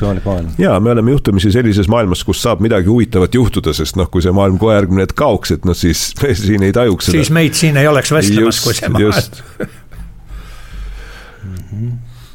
ja see vaade, et, et, et võib olla noh potentsiaalselt erinevaid matemaatikaid või potentsiaalselt erinevaid neid äh, maailma genereerimise viise. ja, ja me paratamatult oleme sellises noh, nagu matemaatilises ruumis kus asjad on huvitavad, et see on tegelikult suhteliselt populaarne, et teised inimesed, päris paljud teised inimesed püüavad umbes sama mõtteliini arendada, aga noh, ta on nagu selline filosoofiline, spekulatiivne, et ma arvan, et keegi ei suuda seal mingeid katseid teha, et kuidas need asjad tegelikult on nojah, Teeg, Teegmark on siin üks nimi. Teegmark on see nimi täpselt. multi, erinevate astmete või järkude see nimi on meil läbi käinud, mul tuleb just. no ma oletan jah. mis tema nimi, eesnimi oli? Maks, maks oli jah ja,. täpselt, see on kindlasti käinud läbi meilt, jah. nii et ma arvan, et selles mõttes see Tegmargi vaade ja Wolframi vaade on natukene sarnane, et nad küll mõtlevad, et seda matemaatikat väga eri viisi, et ma ei ole kuulnud, et Tegmark nende rakuautomaatide entusiast oleks, aga aga ma arvan, see, see vaade, vaade on oma olemuselt natuke sarnane. kuuskümmend seitse on tema küll. aga kuidas nüüd ikkagi sellesse, me oleme siin ligi tund aega oleme juba koos arutanud, et et kuidas nüüd sellesse kõik, kõneldusse sobib see, see lausejupp, mis meid kõigepealt kokku tõi, selle või mis, mulle selle idee andis, et mõni asi on nii keeruline, et selle asja parim mudel on see asi ise. et see läheb kuhugi no vot, ma, ma, ma püüdsin nüüd leida seda allikat või kus, kus on siis ja, niimoodi sõnatud, aga, aga ei, ei, ei leidnud enam. aga noh, see kuidagi hakka, hakkas külge kohe mulle. no see, see on, no mingis mõttes see on triviaalne praeguses teadmise vaates, aga vanasti see ei olnud triviaalne, inimesed seda tegelikult ei teadnud, eks ole. et ma arvan, et see muutus selliseks levinud teadmiseks äh, ikkagi siis, kui need rehkendamise masinate teooria tekkis ja Gödeli teoreem ja Turingi mittepeatuvus ja kõik need asjad välja mõeldi, eks, et siis inimesed said aru, et no ilmselgelt nii on, eks. siis see, kuidas, et asjad, nii nagu see lause, et. nii nagu see lause ütleb, eks jah, et et see on suhteliselt uus teadmine, sa ütled siis niimoodi no,? ta on eelmise sajandi algusest, ma arvan, umbes sada aastat vana suurusjärgus. no võib-olla natukene vähem on see, on see, see konkreetne teadmine, et asjad nii on, et enne võis inimestel olla intuitsioon selle kohta, aga ja siis me saime aru, et noh, matemaatika täpselt nii ongi, et noh, paratamatult, et, et kogu rehkendamine ja matemaatika on selline, et et, et sa ei saa nagu sellist, noh, kõiki asju niisugune lihtsa meetodiga ennustada ja ma arvan, seesama rakuautomaadi teema, eks mis Jaak siin käivitas, ongi, ongi suurepärane näide, et kui sa teed teed sellised keerulised reeglid ja siis tahad ennustada, et no mis juhtub siin tuhande sammu pärast, eks, kui sa mhm. paned need punktid sinna ruudulise paberi peale, siis teed tuhat sammu. siis ei ole mingisugust viisi kuidagi lihtsalt kavala trikiga ennustada, mis juhtub, et sa pead lihtsalt selle automaadi nagu läbi tegema, kõik need sammud läbi rehkendama ja vaatama, mis juhtub, eks. siis sa näed, aga, aga mingid otseteed, et me mõtleme hopsti välja, et mis siis juhtub tuhande sammu pärast, seda ei ole, eks. Ja, ja see, see, mis ma enne ütlesin, et see on praegu selline noh, normaal standardteadmine, see on siis umbes sada aastat vana, eks. no enam-vähem sel ajal ka tegelikult, kui, kui Neumann sellega tegelema hakkas, siis see oli juba päris uus, uus värk üks see... selline ennustamatuse ilming või noh, kah nende rakkautomaatidega seotud küll, küll veidike teistsugune tegelane, see on see, mida eh, Langtoni sipelgaks või kutsutakse, eks ole, tähendab. Langtoni sipelgas. Langtoni sipelgas, jah või virtual aunt või, või, või heal lapsel mitu nime, eks ole. et, et, et see sibab jälle sealsamas ruudulisel väljal, tal võib neli liikumise suunda olla üles-alla, vasakule, paremale. Ja, ja, ja sõltuvalt sellest äh, tähendab, igal sammul ta muudab selle ruudu värvi, kuhu ta jõuab vastupidiseks ja sõltuvalt sellest, mis värvi ta sealt eest leiab, ta muudab oma liikumise suunda. ühel juhul pöörab vasakule, teinekord paremale no siis võite nüüd hakata ette, ette teoretiseerima või ette kujutama, et, et mis siis juhtub, kui ta lasta väljal lahti.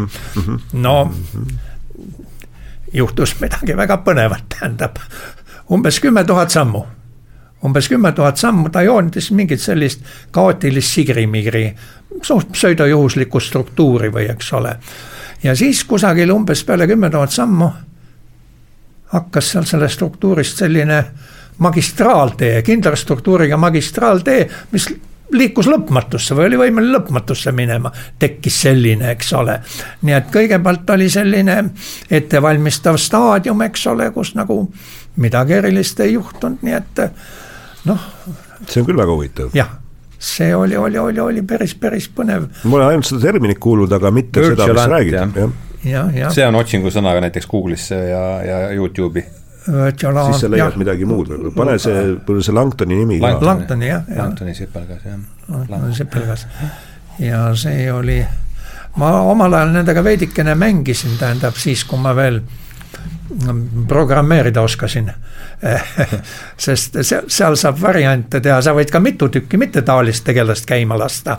Seal, seal, seal välja peal ja siis vaadata, kuidas nad omavahel interageeruvad või ei interageeru ja ja, ja, ja see on, on, on, on põhimõtteliselt on see, see pööratav algoritm. kas see jutu mõte on nüüd ikkagi see, nii palju ma suudan seda tavastada, tuvastada, et isegi lihtsate reeglitega, kui asi on, tuleb palju käike, siis see muutub nii, ja, muutub see, äh, ennustamatuks, ennustamatuks. Ja, ja, see on see mõte, jah, jah, jah. aga see tundub, äh, ütleme, see, see Neumanni lause, kui sellele nüüd võtta teadusajaloost äh, seesama, mis seal oli, eks, et et mõni asi on nii keeruline, et selle pari, asja parim mudel on see asi ise, et et kui võtta teadusajaloost antipood sellele, et siis tundub, tundub olevat seesama Laplace'i lause, et, et kui me teaksime äh, kõikide osakeste asendit ja impulssi ja, ja, ja loodusseadusi, siis oleks nii tulevik kui minevik meie ees. on see, noh, mulle tundub nii, et mis teie sellest mõttest? No mulle tundub, et need asjad on muidugi seotud loomulikult, eks ju, et äh, niipea kui sa ütled, et et, et, et me ei saa lihtsat mudelit teha, siis loomulikult läheb küsib mõte kohe sellesama asja peale, mis sa räägid ja mm, -hmm. ja noh, minu arusaam on seal, et seal on neid dimensioone kohe hulga et üks on selline kvantfüüsikalik vaade, et, et ongi mingid tõenäosused ja me ei tea, mis seal nagu taga on, eks või, või, või, või kas seal midagi taga on. ja noh, siis öeldakse, et noh, et no me ei, ei tea sellepärast, et on tõenäosused, eks, et see ongi ju mingisugune juhuslikkus. ja, ja teine viis seda vaadata on see, et noh, isegi kui neid tõenäosusi ei oleks, siis meil ikkagi ei ole mingisugust lihtsat viisi rehkendada, et me peame ikkagi läbi katsetama, sest noh, kui me isegi selle ruudulise paberi asjaga ei, ei saa mingit lihtsat viisi, siis ei maksa nagu arvata, et reaalses füüsilises maailmas asi kuidagi kergem oleks, et tõenäoliselt on asi palju hullem kui ruudulisel paberil John von Neumannil tähendab, kuskil on ka selline mõte, vaat mis nüüd see juhuslikkusse ja juhuslikkusse arvudesse, eks ole, ja mõnel juhul, et kui neid on vaja nagu genereerida või kunstlikult tekitada, tähendab, et noh, et ükski selline määratletud algoritm põhimõtteliselt nagu ei, ei ei suuda ikka absoluutselt juhuslikke arve tekitada või nagu äh, Neumann ütleb, et noh, et kui, kui te seda niimoodi ette kujutate, arvate, et, et aritmeetikaga saab juhuslikke arve genereerida, no siis te teete ikka pattu mm. -hmm. teete mõttelist pattu, aga tähendab, te, te võite saada küll, küll väga heas lähenduses juhuslikke arve, aga, aga, aga põhimõtteliselt jah. jaa, sest juhuslikkus on keeruline mõiste, et mis see tähendab, eks ju, et see on et tihti sellega on natuke niimoodi, et, et et ma olen aru saanud, et arvujalad, mis äh, genereeritakse juhuslikult, tihtipeale inimestele tunduvad mitte nii juhuslikud kui sellised, mis on süstemaatiliselt meelega genereeritud selliseks, et nad tunduksid inimesele juhuslikud. et meil ei ole head intuitsiooni tegelikult selle juhuslikkuse osas mm. -hmm. aga noh ütleme siis ikkagi nii, võtame, mis Laplace ütleb selle kusagil üheksateist saja, see lause pärineb, Laplace'i lause pärineb kusagilt üheksateist sajandi algus, kaheksateist sajandi lõpp, üheksateist sajandi algus pigem. ja nüüd on meil siis äh, see Neumanni lause pärineb kahekümnenda sajandi.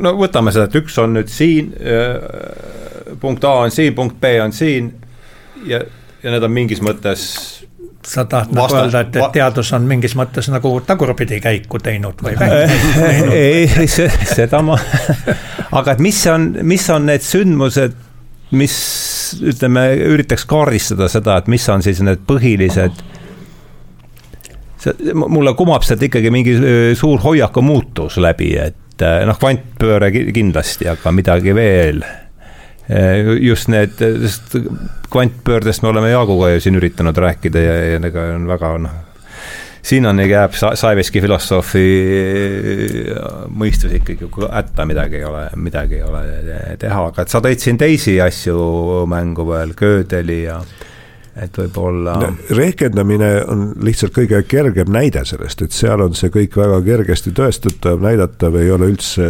mõistuse vastane, ei ole selline asi nagu kvantfüüsika, kus me aru ei saa, seal saab päris selgelt aru, miks need asjad nii on ja küllalt lihtsalt isegi saab aru aga nüüd, kui me püüame seda sellise füüsil-, füüsilise maailma poole vaadata, siis läheb pilt nagu hägusamaks, sellepärast et me ei tea, mismoodi see füüsiline maailm toimib, eks, ja ja ma arvan, noh, see, see, need küsimused, mis olid, on natuke niisugused determinismi teemad ja mul ja, on, mul ja, on selline just. nagu tunne võib-olla, et et võib-olla see Laplace'i noh, ma ei tea ju muidugi, mis Laplace mõtles, aga, aga me teame, et üheksateistkümnendal sajandil noh, mõeldi välja päris palju selliseid kasulikke asju nagu, nagu aurumasinad hakati kõvasti kasutama ja tehti keerulisi mehhanisme ja ja ehitati keerulisi sildu ja, ja noh, neid sildu ehitati muidugi varem ka, aga aga selline füüsiline ja inseneriteaduse võime keerulisi asju teha ja rehkendada kasvas väga kiiresti. Ja ma usun, et lihtsalt selles kultuurilises kontekstis inimeste entusiasm, et me, et me oskame välja rehkendada ja prognoosida, kas sild läheb katki lihtsalt rehkenduse kaudu, mida noh, ilmselt vanad roomlased ei osanud, et nad tegid seda kogemuse põhjal või mudelite põhjal, eks, aga mitte rehkendusega. et, et me oskame seda rehkendusega teha, et see tekitas sellise tugeva noh, nagu no mitte, mitte päris joovastuse, aga, aga tunde, et, et asjad on küllalt kergesti rehkendatavad ja prognoositavad ja ja, ja, ja see ei olegi nii lootusetult raske. aga nüüd, kui sa noh, lähed selles samas suunas edasi ja püüad üha keerulisemaid asju niimoodi prognoosida, siis olukord läheb keerulisemaks, eks et ei ole enam, et sa proovid prognoosida, et kuidas see aurumasina efektiivsus oleks või et kas sild läheb katki või ei lähe. vaid lähed, lähed üha keerulisematesse kohtadesse ja siis vaatad, et see prognoosimine enam nii hästi välja ei tule ühel või teisel põhjusel, eks. ja ma arvan, et siin kahekümnenda sajandi alguse poole hakati tegelema lihtsalt piisavate keeruliste asjadega mm, -hmm. kus oli näha, et sellised prognoosimehhanismid, mis nüüd üheksateistkümnenda sajandi ülesannete puhul täitsa töötasid. noh, kui sa püüad ka rehkendada, et kuidas seal planeedid enam-vähem liiguvad ja nad oskasid seda rehkendada, see on päris keeruline, eks ole, aga ikkagi tuli täitsa välja, see on imetabane. et, et siis enam need asjad nii ei töötanud ja, ja, ja ja kasvõi näiteks ka relatiivsusteooria on ka selles mõttes ilmselgelt ju nagu murrang, et ta ütles, et no asjad enam nii lihtsad ei ole. ja siis tekkis inimestel ilmselt tunne, et võib-olla ei ole ka relatiivsusteooriaga piisavalt seletatavad, et. et noh, meil ei olegi perfektseid teooriaid mingite asjade kohta ja selles mõttes ma arvan, et see kvantfüüsika on väga hea näide, et ta ka nagu ütleb, et me ei olegi perfektne teooria. ja, ja, ja ma arvan, see lihtsalt kui mindi piisavalt detaili, siis kadus selline entusiasm ära, et nii kergesti tuleb välja, aga see ei tähenda, et modelleerida ei saa. lihtsalt teda on raske teha mm. -hmm kas selline juhuslikkus või määramatus, noh, kui Laplace'ist hakata tulema, jookseb umbes kolmel-neljal, võib-olla isegi viiel erineval viisil Aha. füüsikasse sisse. üks on muidugi see termodünaamiline määramatus, noh, kui lihtsalt osakesi on nii palju, et, mhm. et, et ei, ei, ei allu meie, meie noh, tegelikele võimalustele e,. siis teine on, on, on, on jah, mis kvantmehaanikaga sisse tuli, muidugi see põhimõtteline määramatus, eks ole e,. siis e,, siis veidrad attraktorid see, mis tuli siis kuuekümnendatel, kui selgus, et, et väga lihtsad matemaatiliselt väga lihtsad mm -hmm. süsteemid, eks ole, äh, kolm esimest järku küll mitte lineaarset diferentsiaalvõrrandit, et nende käitumine on, on selline, eks ole, et, et, et, et jah lahendi olemasolu ühemusesse teoreem kehtib, et küll antud algtingimuste korral on üks ja ainult üks lahend, eks ole. aga kui sa neid algtingimusi kasvõi veidikene varieerid mm, -hmm. see ei tähenda, et, et sinu ennustusvõime paraneb või mõne aja pärast see süsteem võib ikkagi hoopis kusagil mujal olla e, no ja üldrelatiivsusteooriast siis veel see sündmuste horisont või, või mida on nüüd e, mustade aukude korral ka noh, ma ei teagi, mis see lõppseis on siia, siia-sinna ja kus, kus siis äh, Hawking mingi kihlaveo kaotas ja, ja, ja aga, aga et, et, et, et, et sealt ka nagu see, mis välja tuleb, see äh, Hawkingi kiirgus, et, et, et see nagu on, on, on, on kah selline soojuskiirgus tegelikult et kukub sinna auku, mis kukub, aga, aga midagi pääseb välja küll, aga pääseb välja soojuskiirguse kujul. Noh, no selle juures on, see, see meenutab mulle sellist noh, küsimust, mis, mis on, on mul olnud ja ma arvan, hästi paljudel teistel inimestel ka, et, et, et mis ikkagi hakkab juhtuma kvantarvutitega, kui me korra sinna lähme mm. -hmm. me puudutame korraga nii arvuteid kui kvantvärki mm. -hmm. ja, ja nii palju, kui ma olen aru saanud, siis, siis no see kvantarvutite teooria ja lähenemine on juba päris vana ja, ja juba tükk aega tagasi lubati igasuguseid imeasju, mida ei ole siiamaani üldse juhtunud, eks ju. ja, ja nüüd noh, see teooria kogu aeg vaikselt täpsustub ja, ja suudetakse näidata, mis asju saab teha ja mis asju ei saa. aga reaalselt ei ole minu teada suudetud teha mitte ühtegi kvantarvutit, mis, mis suudaks nagu mõnda ülesannet fundamentaalselt kiiremini lahendada kui tavaline arvuti. no lihtsalt pole nagu välja tulnud, see ei tähenda, et, et me teaksime, et see on võimatu, välja arvatud see, et simuleerida asju. et kui sa tõesti nagu simuleerid kvantarvutiga kvantfüüsikat, siis ma olen aru saanud, et see täitsa töötab, eks ju, et noh, ta lihtsalt nagu teebki läbi seda sedasama asja, eks ole, mida ta peab tegema, et, et, et ongi seesama prognoos, et paned selle, selle raku automaadi käima ja vaatad, mis tuhande sammu pärast juhtub, eks ole, seda ta tõesti teeb, on ju. ja, ja mul on nüüd see küsimus, et okei okay,, et va-, et üks asi on see teaduslik ja tehniline suutlikkus, et kas me jõuame nagu suudame kunagi teha arvuteid, kvantarvuteid, mis töötaks reaalselt kiiremini ülesannete klasside jaoks kui tavaline. või on see põhimõtteliselt võimatu, et ma, ma kuidagi, mul on kõhutunne, et võib-olla on see põhimõtteliselt võimatu, mitte et ma, mitte et ma teaks seda, aga ma ei tahaks seda välistada. ega seda tõestatud ka vist ei ole, et ole. põhimõtteliselt võimatu. ei ole, kumbadki ei ole minu meelest tõestatud. see on natuke lahtine küsimus mu meelest. Nii, kas äh, ja. võtaks nüüd ühe hoopis teise teema võta, üles. võta. Äh, võtaks naised ülesse muidu nad äkki solvuvad, kui, kui nendest mitte kõnelda, nii et kõneleme veidikene John von Neumanni naistest ka. tuleb vahelduseks päris hea ja. mõte. Äh, tal oli neid kaks tükki, tähendab, mõlemad olid, olid ungarlannad, esimene Mariette Köves jah see abielu jah, kahjuks küll purunes aastal kakskümmend üheksa, kolmkümmend seitse, aga nendest sündis tütar Marina. temaga ma vaatasin intervjuud täna. Marina ja kes, kes, kes on, ta on emeritus praegu ka juba, aga, aga, aga. mis on sealsamas Princeton Advanced Institute of Advanced Studies nõukogu siis äh, on ta praegu? jah, aga ta on mingisugune, tähendab noh, tema on, ta on kas, kas kuidagi sotsiaal- või majandus- või ühesõnaga pehmete teaduste vallast. järgi. ja, ja, ja, ja, ja tütre, tütrega ka kasvatamisega olnud huvitav niimoodi, et, et kui nad, kui nad lahku läksid, siis oli ju, tütar oli kaheaastane ja nad tegid kuidagi sellise kokkuleppe, et, et, et, et kaksteist esimest eluaastat on tütar emaga. aga pärast seda läheb isa juurde, et saaks osa nagu kogu sellest intellektuaalsest pagasist ja asjast, millega, millega siis isa. aga siis, siis äh,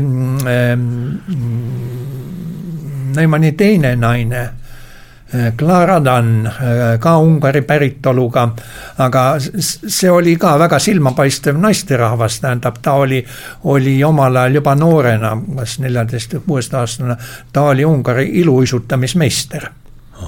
Ungari ilustusmeister ja, ja pärast ta panustas päris tõsiselt selle noh arvutite arengusse või programmeerimisse või on isegi öelda, et ta oli esimene, esimene arvutiprogrammeerija. pärast Ada Lovelace'i, eks. ja, ja, ja pärast, pärast teda ja no ütleme siis teine, ütleme siis teine, aga, aga, aga tema oli, oli, oli jah, eh, noh, ilmselt ka tema e-, elu lõpp oli, oli ka traagiline, tähendab ta no elas palju, aastat võib-olla kuus või seitse kauem kui äh, John von Neumann. aga, aga ja, ja, ja abiellus ka mm, kaunis kiiresti veel korra. see oli, temal oli siis vist juba huu, neljas abielu sest ta oli enne, enne John von Neumanniga oli, oli, oli ka juba kahes abielus jõudnud olla, aga neist suhteliselt sedasi kiiresti ja valutult, valutult välja tulnud. aga siis tema, tema uputas enese ära. ennast tappa jah, see on ju. tema uputas või noh, seda on kuidagi naljakalt öeldud või kusagilt, mina ei leidnud kusagilt sellist allikat, kus oleks öeldud, et ta uputas ennast ära. tütre, tütar ütles intervjuus, et oli enesetapp. aga, aga on, on, on, on niimoodi jah, noh, et, et see kohtu-uurija või kas koroner või, või noh, on, on kirjutanud, et see oli, oli enesetapp, no ju, ju, ju ta siis oli, tähendab mis iganes põhjused seal. aga kas tal Klaaraga ka lapsi oli, Von Neumann, või ei olnud? ei olnud, minu, ei olnud, minu teada ei olnud, jah. siin äh, ei tule, ma vaatasin ka praegu, ei ole. jah, nii et, nii et, nii et. Äh, olevat olnud see tütar, ma vaatasin, tütrega vaatasin intervjuud täna, tütar ütles, et olevat olnud väga ebakindel, see siis see teine naine ja Neumann olevat talle kirjutanud pikki-pikki kirju mm. -hmm. nii palju mm, -hmm. nii, see jäi mulle kõrva, et kuidagi tal seda hoida, seda siis tuju tuju üleval. aga noh, kodus aga ta siis tegi selle enesetapu pärast? Äh, pärast, pärast jah, mingi kuus-seitse aastat pärast okay,, pärast seda. seda ma ei tea jah, seda aga tütar, ma vaatasin, on, on majandusteadlane ja, ja, ja, ja, ja. olnud äh, autode, autofirmade juhtkonnas ja nüüd ta on, jah, ma kuulsin, et ta on selles. tütar on igati, igati omal alal edukas olnud. ja kaheksakümmend kaheksa juba. Vau. nii kui öeldakse, et, et, et, et kui seina peal on püss kui seina peal on püss äh,. selle raamatu kõrval on mul siin veel üks nii karbikene. ma mõtlesin, mis, ma, see, see, see hakkas mulle silma enne. seda võib lahti ka teha ei maksa, okay, see ma noh, põhimõtteliselt võib, ega tavaliselt okay. midagi, aga, aga, aga siis ma pean ta uuesti kuidagi kinni saama et, et, et, et see on nüüd selle selle, selle kohta äratasti ma, ma, ma, ma saan öelda, et, et selle, selle pinnase tüki formeerumist selle protsessi käigus, nagu ta siin on, eh, seda jälgis ka John von Neumann. Jeerum. Eh, see on siis see pinnase tükk, mis sulas üles eh, esimese tuumapommi katsetuse käigus. New Mexico kõrbes neljakümne viienda aasta suvel siis noh, e, e, enne neid äh, Jaapani linnade tuumapommitamisi. seal on külje pealt näha, on veidike sellised sulanud nagu, nagu mullid nagu sees no, ja, ja, ja, ja. ja, ja, ja, ja noh sinna vist kord aastas lastavat inimesi ka peale praegu, aga, aga ei, ma ei ole käinud seal, aga siis on alati see küsimus, et see on kusagilt internetist hangitud.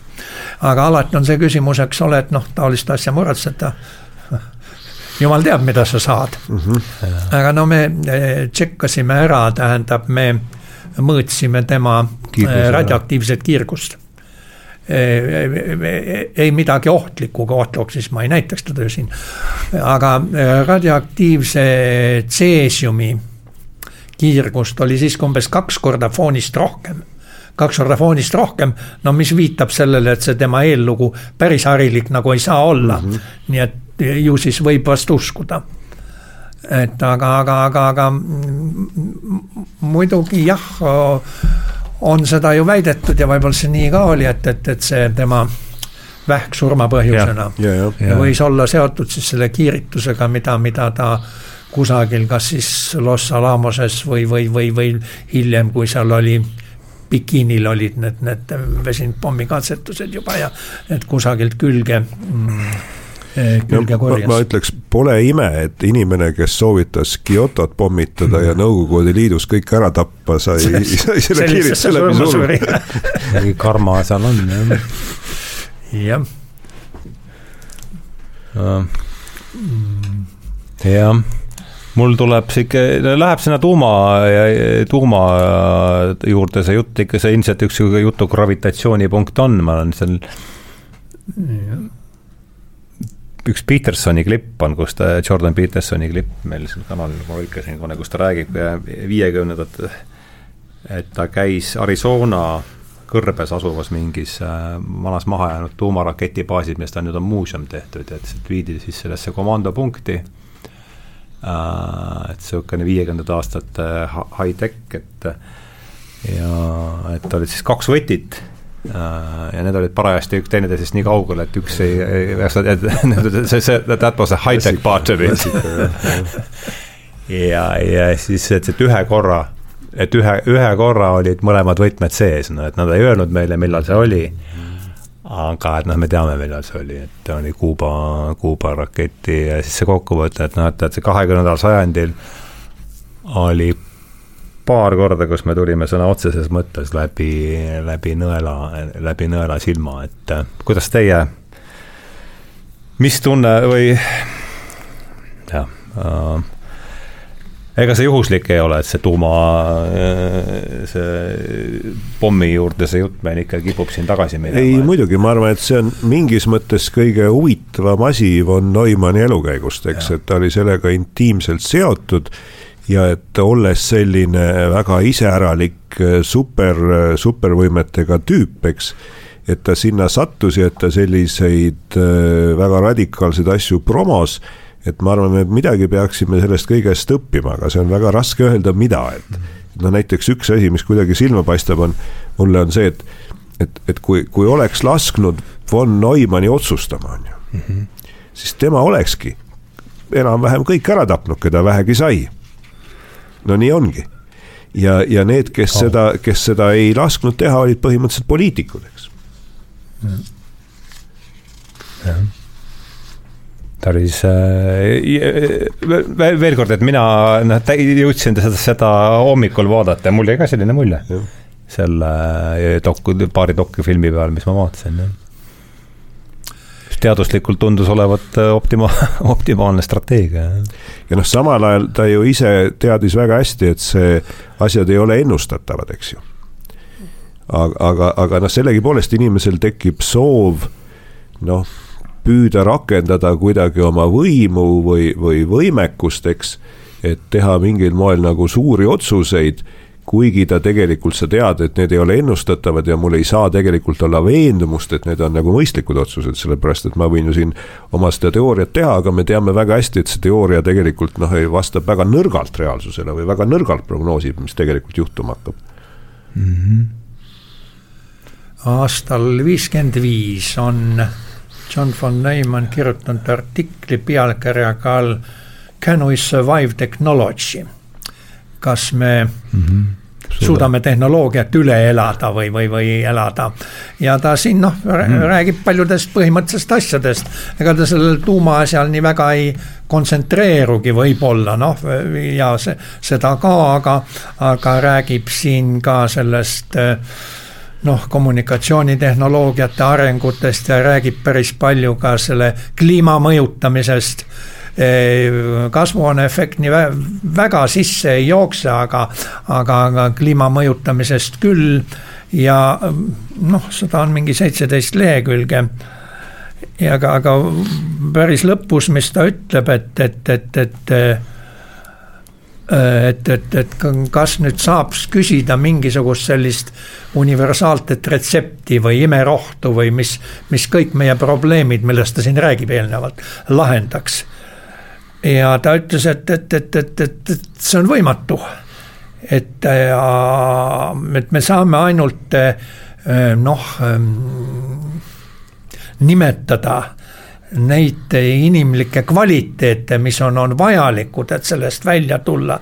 ja nimetab kolme, üks on siis selline noh, rahulikkus või mm -hmm. rahulikkus, teine on paindlikkus ja kolmas on intelligentsus kõlab, kõlab ju päris mõistlikult. nii et kui, kui, kui, kui need omadused nagu on, siis on, siis on nagu lootust eks ta ise kujutas ette, et, et tal on kõik väga kõvasti olemas, mis ilmselt oli ka õige, eks ega ta ei olnudki nagu ma arvan, psühholoogiliselt närviline tüüp.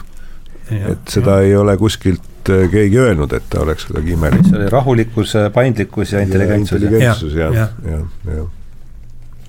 aga mul see jutu jätk tekitas tunde, et võib-olla oleks sobiv natuke rääkida päris kaasajast mm. -hmm, ja. samas võtmes, et meil on asjad, mis selle kõigega haakuvad, on on moraaliteooriad ja, ja, ja sellisega ja sellega seotud sellised tulevikuvisioonid, eks, et ma ütleks kõigepealt eh, moraaliteoorias konsekventsialism, kui seda nii võib nimetada, mis ütleb, et, et mis on üks võimalik lähenemine, mis ütleb, et, et kui sa püüad nagu mõelda, kas su tegevus on moraalne või mis on hea või mis on halb, et siis vaata, mis on tulemid. et ärme vaata, mis on, mis on sinu reeglid või, või sellised moraalsed eelistused, vaid mõtle, mis on tulemid, on ju.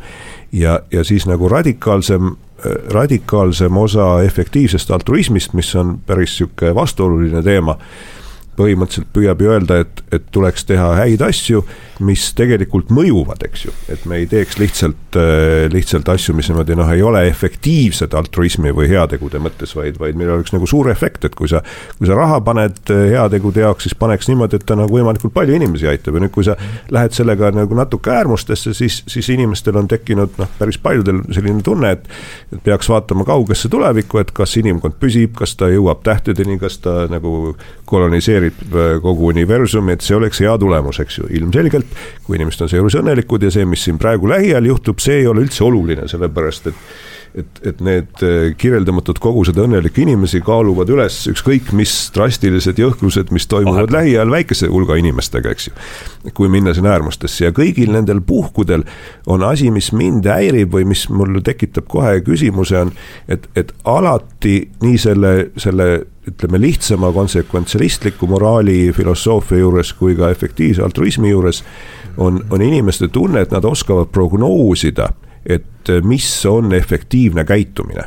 et, et sa suudad tegelikult prognoosida, et kui ma teen seda, et vaat siis see teeb nii, eks, ja kui ma teen teist, siis see teeb naa. ja, ja, ja, ja minu usk sellesse prognoosivõimesse on väga madal et ma kuidagi ei tahaks nagu uskuda, et keegi saab üldse pikalt ette prognoosida ja, ja sellepärast on mul nagu pigem tunne, et et kui me vaatame sellist evolutsioonilist, evolutsioonilist seisu, noh, oma selle moraali, kui me vaataksime, noh, kui me võtaksime moraali evolutsioonipsühholoogia vaatenurgast, et et kuidas ta on kujunenud, siis, siis sellised pikaajalised või kaugete maade peale toimuvad asjad meid ju kuidagi eriti ei, ei mõjuta, et me ei tunne nagu emotsioone, et kuidas seal Aafrikas või, või Indo-Hiinas parasjagu just läheb, eks ju, et me vaatame nagu lähedale. ja, ja see lähedale vaatamine on, on on selles võtmes mõistlik, kui sa, kui sa hindad oma prognoosivõimet väga madalaks, sellepärast et.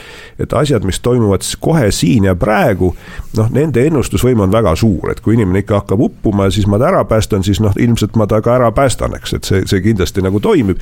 aga kui ma püüan anda kellelegi raha, kes ütleb, et mis tulevikus hakkab kuskil kaugel juhtuma, siis tõenäosus, et see, et see nii läheb, on, on silmapaistvalt madal, eks ju ja, ja me ujume kuskil siin vahel ja, ja, ja mind natukene selle, selle konsekventsialismi juures häirib just see inimeste valmisolek uskuda pikaajalisi ja keerulisi prognoose ja me mhm. tegelikult ka näeme, mis siin nagu juhtub, et kasvõi, kasvõi sellistes lihtsates asjades nagu Ukraina toetamine selgub, on asjad hirmus keerulised, me ei oska prognoosida, kes, kes raha mingil moel ära varastab või ära kaotab, eks ole.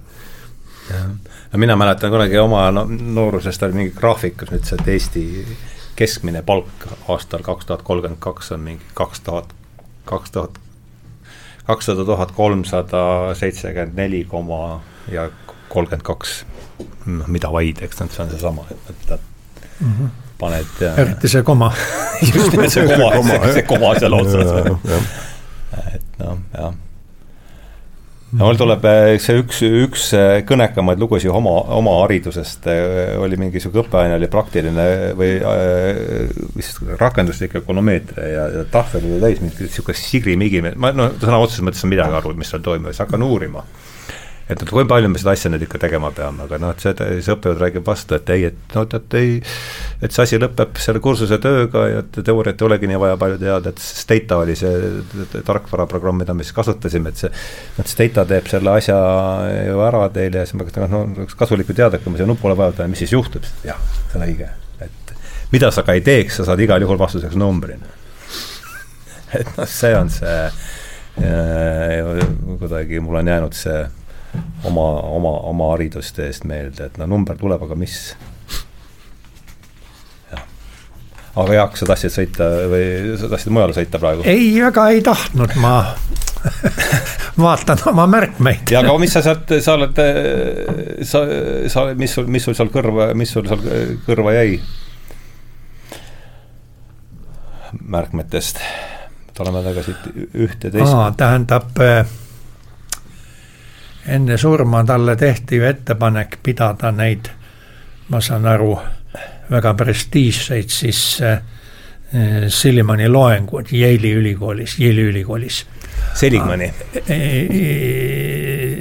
Silliman, kuidas Silliman, see hääldus nüüd on, Silliman. Jah. ja, ja, ja, ja ja ta, aga ta ei jõudnud nende loengutega valmis, ühesõnaga see võeti siit ilmast enne ära, aga ta tegi palju e-, eeltööd ja see, see raamat on siis äh, kolmel, kolmel, äh, kolmel korral on, on äh, välja antud, no uustrükid, eks ole.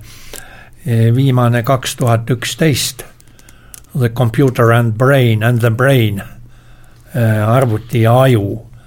ja, ja, ja viimasel väljaandel on siis sellise mehe nagu Rei Kurzweili eessõna see on see vend, kes siis meil oma selle singulaarsusteooriaga on, on, on. temast me rääkisime Arne Hiobiga selles saates, eks ole. või sellest üldse sellest Peendrast, kust need ideed tulevad. ja, ja, ja, ja no raamat, raamat ja raamatusse ma vist isegi vaatasin sisse, tähendab, ma võib-olla ta äh, äh, Kindlis endale tellisin, ta ei olnud paks, aga, aga rohkem küll selle, selle Kurzweili eessõna pärast ja aga noh, ta, ma ei oska tema kohta midagi öelda, tähendab, ta alguses räägib äh,, räägib arvutist kui sellisest ja, ja, ja siis, siis, siis äh, teine siis, et kuidas aju või, või no nii nagu tollal, mis oli teada ajust või, või, või äh, neuroloogiast aju toimib. et, et mis on, on, on ühtsused ja, ja, ja mis on erinevused ja äh, aga mul nagu sellist tsentraalset sõnumit sealt nagu kõlama ei jäänud või, või, või et, et, et millest, aga, aga ilmselt see oli ka üks teema, mis teda, teda paelus. kui ta sellele kavatses mm, nagu mm, fokusseeruda mm, nendes mm, loengutes. et, et, et, et, et, et arvutite siis ja meie aju noh, toimimise võrdlus või, või, või, või mis ühist, mis sarnast. ma lugesin ka seda raamatut, mitte küll väga suure süvenemisega, aga no niimoodi pool, poolkiiresti, eks ju.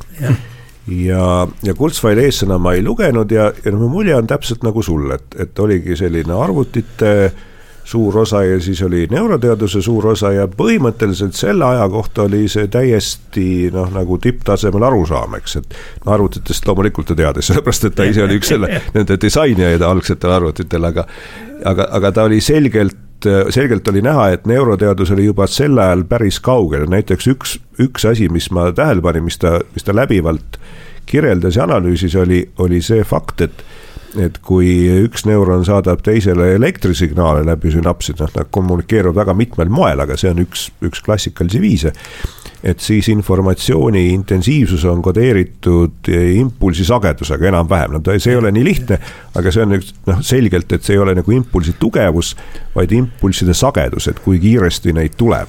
ja, ja siis ta, see selgelt oli tal üks teema, et ta püüdis võrrelda seda impulsi sagedusega noh, mingis mõttes nagu logaritmilist ebatäpset esitust sellega, mismoodi praegu arvutid seda digitaalselt teevad, eks. et aga, aga mu meelest noh, nagu selliste konkreet-, selles raamatus mingite konkreetsete erisoovituste või üldpõhimõteteni väga ei jõudnud, et ta rohkem kirjeldas neid erinevusi, eks, ja mm aga see raamat ei olnud, ei olnud praeguse lugemise mõttes väga huvitav, eks, et sa lihtsalt nägid, et et mis oli selle aja neuroteaduse teadmine ja, ja mis mõtted inimestel tekkisid. ja, ja sinna see ka jäi kas see, kas see, see oli siin vestluse alguses suhtes, et, et et see teadvuse, teadvuse roll tuleb sulle meelde?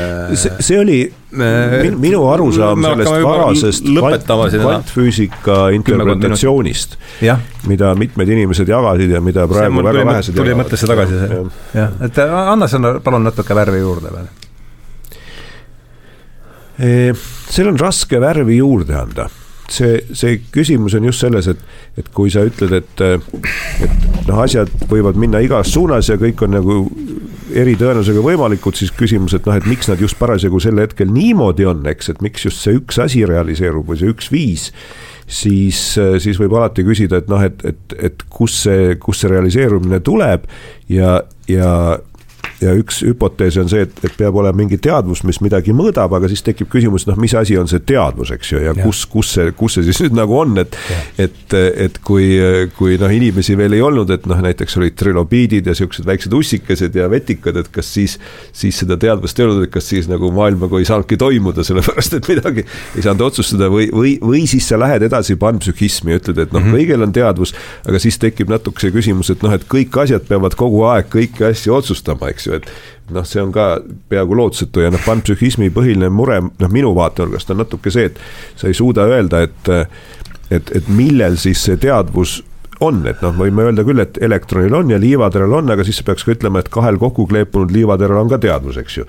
ja et noh, kui, kui kumbalgi omaette on ja siis kahel ka ja nüüd, kui sa võtad terve ämbritäie liiva, siis seal on nagu astronoomiline hulk võimalikke kombinatsioone ja nendel kõigil kombinatsioonidel peaks mingi oma teadvus olema. ja mingit sellist head teooriat, mis ütleb, et et okei okay,, et kuidas see siis asi peaks käima, eks sellist ma ei ole kuskil näinud, et neid üritusi on, aga need üritused ei ole väga tõsiseltvõetavad, eks mm. -hmm. et nagu sellist usutavat panpsühhismi teooriat nagu ei eksisteeri, aga ta on rohkem selline emotsioon, et nii võiks mõelda, et see ei ole noh, absurdne mõelda mm, -hmm. lihtsalt ei saa aru, eks. mingites, mingis kontekstis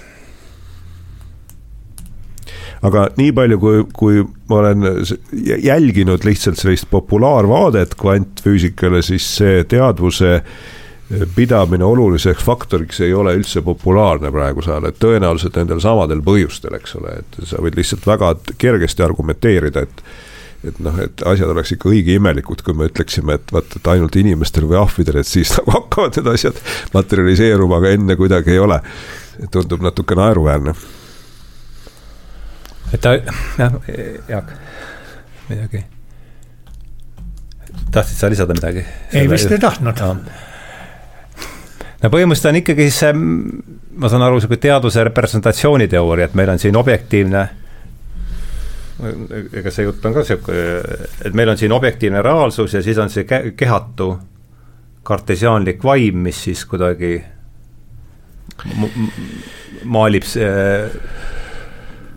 no ma, ma ei oska öelda, ma arvan, et, et teadvusteooriat selgelt on ju väga-väga palju, nagu me teame, see on niisugune täielik klassika ja, ja ma arvan, enamus nendest ei ole tegelikult sellised kehatu kartesiaanliku vaimuga, vaid neid püütakse kuidagi teisiti esile manada ja ma arvan, et kui kui Neumanni suunas vaadata, ma arvan, Jaagul oli, Jaagul oli tõenäoliselt nagu õigus, noh kuigi me tegelikult ei tea, et et, et tal oli ikkagi kalduvus nagu rehkendada ja probleeme lahendada ja ja ta ei jäta nagu sellist muljet, et tal oleks olnud sügavamad filosoofilised või religioossed huvid või et ta oleks üldse teadvusega tegelenud, et ta, ta ei ja. tundu sihuke mees. ta oli ikka probleemi lahe-. ta oli ikka probleemi lahendaja. võib-olla on siis päris elu lõpus, eks ole, kui ja. ta nagu ja. Pöördus selle ja, poole, aga, aga, aga, aga muidu oli ta probleemi lahendaja, just nimelt probleemi lahendaja ja, ja, ja seda jah, see haakus ka minu nende huvitav, mismoodi ta, ei tea, kuidas ta Poomist on meil olnud ju kaks saadet, et kas ta Poomiga hakkas, tõenäoliselt nad ei puutunud üldse kokku, nad olid. ja vist mul ei, ei, ma ei tea nende, nende võimalikkusele. Ilmselt nii temperamendid kui ka kui.... no nad olid jah, selles mõttes vägagi polaarsed või erinevad, et, et oma see... Selle see... sest noh, Poom, Poom oli hingelt vägagi filosoof tegelikult, aga, aga mida John von Neumann ei olnud. jah, see, see jäi mu, sihukene mulje jäi mulle nii sellest, kui ma lugesin, kui ka meie tänasest äh,, tänasest vestlusest. mis meil siis on, minutit viis on, oleks veel, veel võimalik meil siin stuudios olla, et kas, mis endale jäi kõrva sellest tänasest vestlusest, mida polnud varem mõelda, aga teemad polnud lihtsad, mul oli kohati, tunnistan ausalt, et oli keeruline, aga no vähemasti üritasime siin midagi e. E ega jah, ega meiegi noh, ma arvan, et me kõik libisesime suhteliselt pinnaliselt üles nendest John von Neumanni noh, väga paljudest teadustulemustest ja, ja mis on, on, on, on jätnud, tähendab noh, veel kord, et tema ju tema ju Nobeli preemiat ei saanud, tähendab seetõttu esiteks, et, et, et matemaatikutele ju, ju, ju ei anta mm -hmm. või, või antud Nobeli preemiat.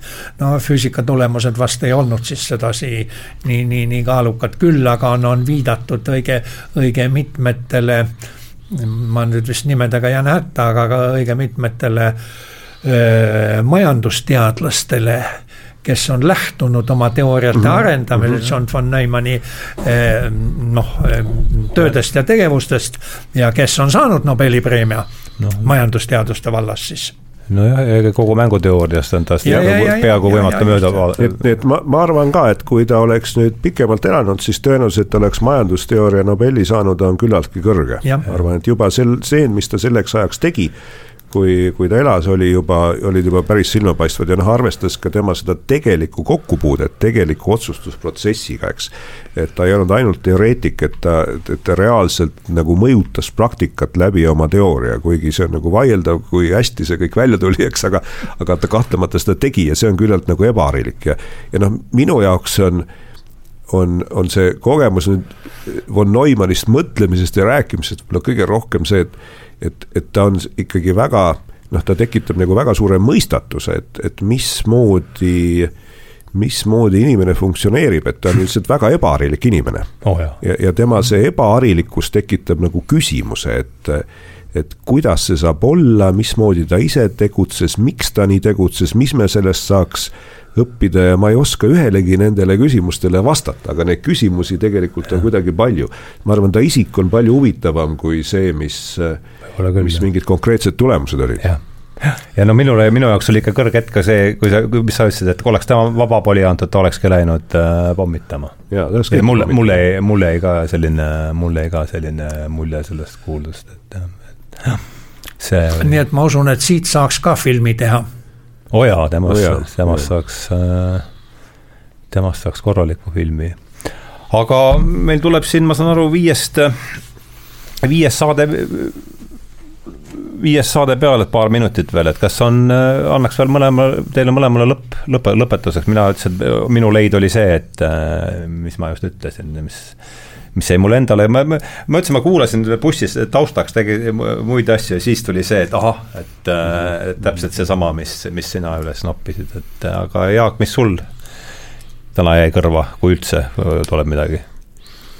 ei no i, i, i, ikka seda, et, et, et, et noh, oli, oli, oli tõepoolest äh, see kõlab ju õõnsalt, aga erakordse isiksusega tegemist, tähendab ja. nii oma huvide ringi poolest ka oma selle noh, ütleme psühholoogilise spektri poolest eh, noh, ühest, ühest äärmusest teise. Eh, nii et ta, ta, ta oli, oli noh, selles plaanis ma ei tea kedagi teist, kelle, keda, keda temaga võrrelda annaks või, või, või, või tema kõrvale no samasugustes kvaliteetides seada. Saadet vääris ta igal juhul. jah ja, ja ma, ma arvan, et, ta vääriks filmi ka.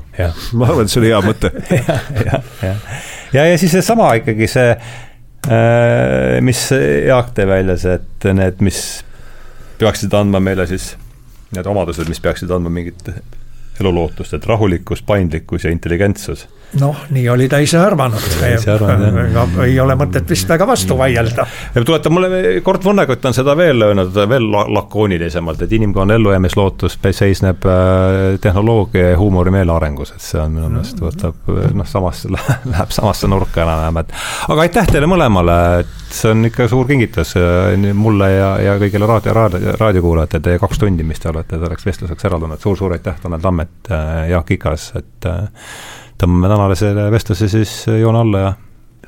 aitäh kutsumast. tänud kutsumast, jah. Lähme lahku suuremate sõpradena, kui enne olimegi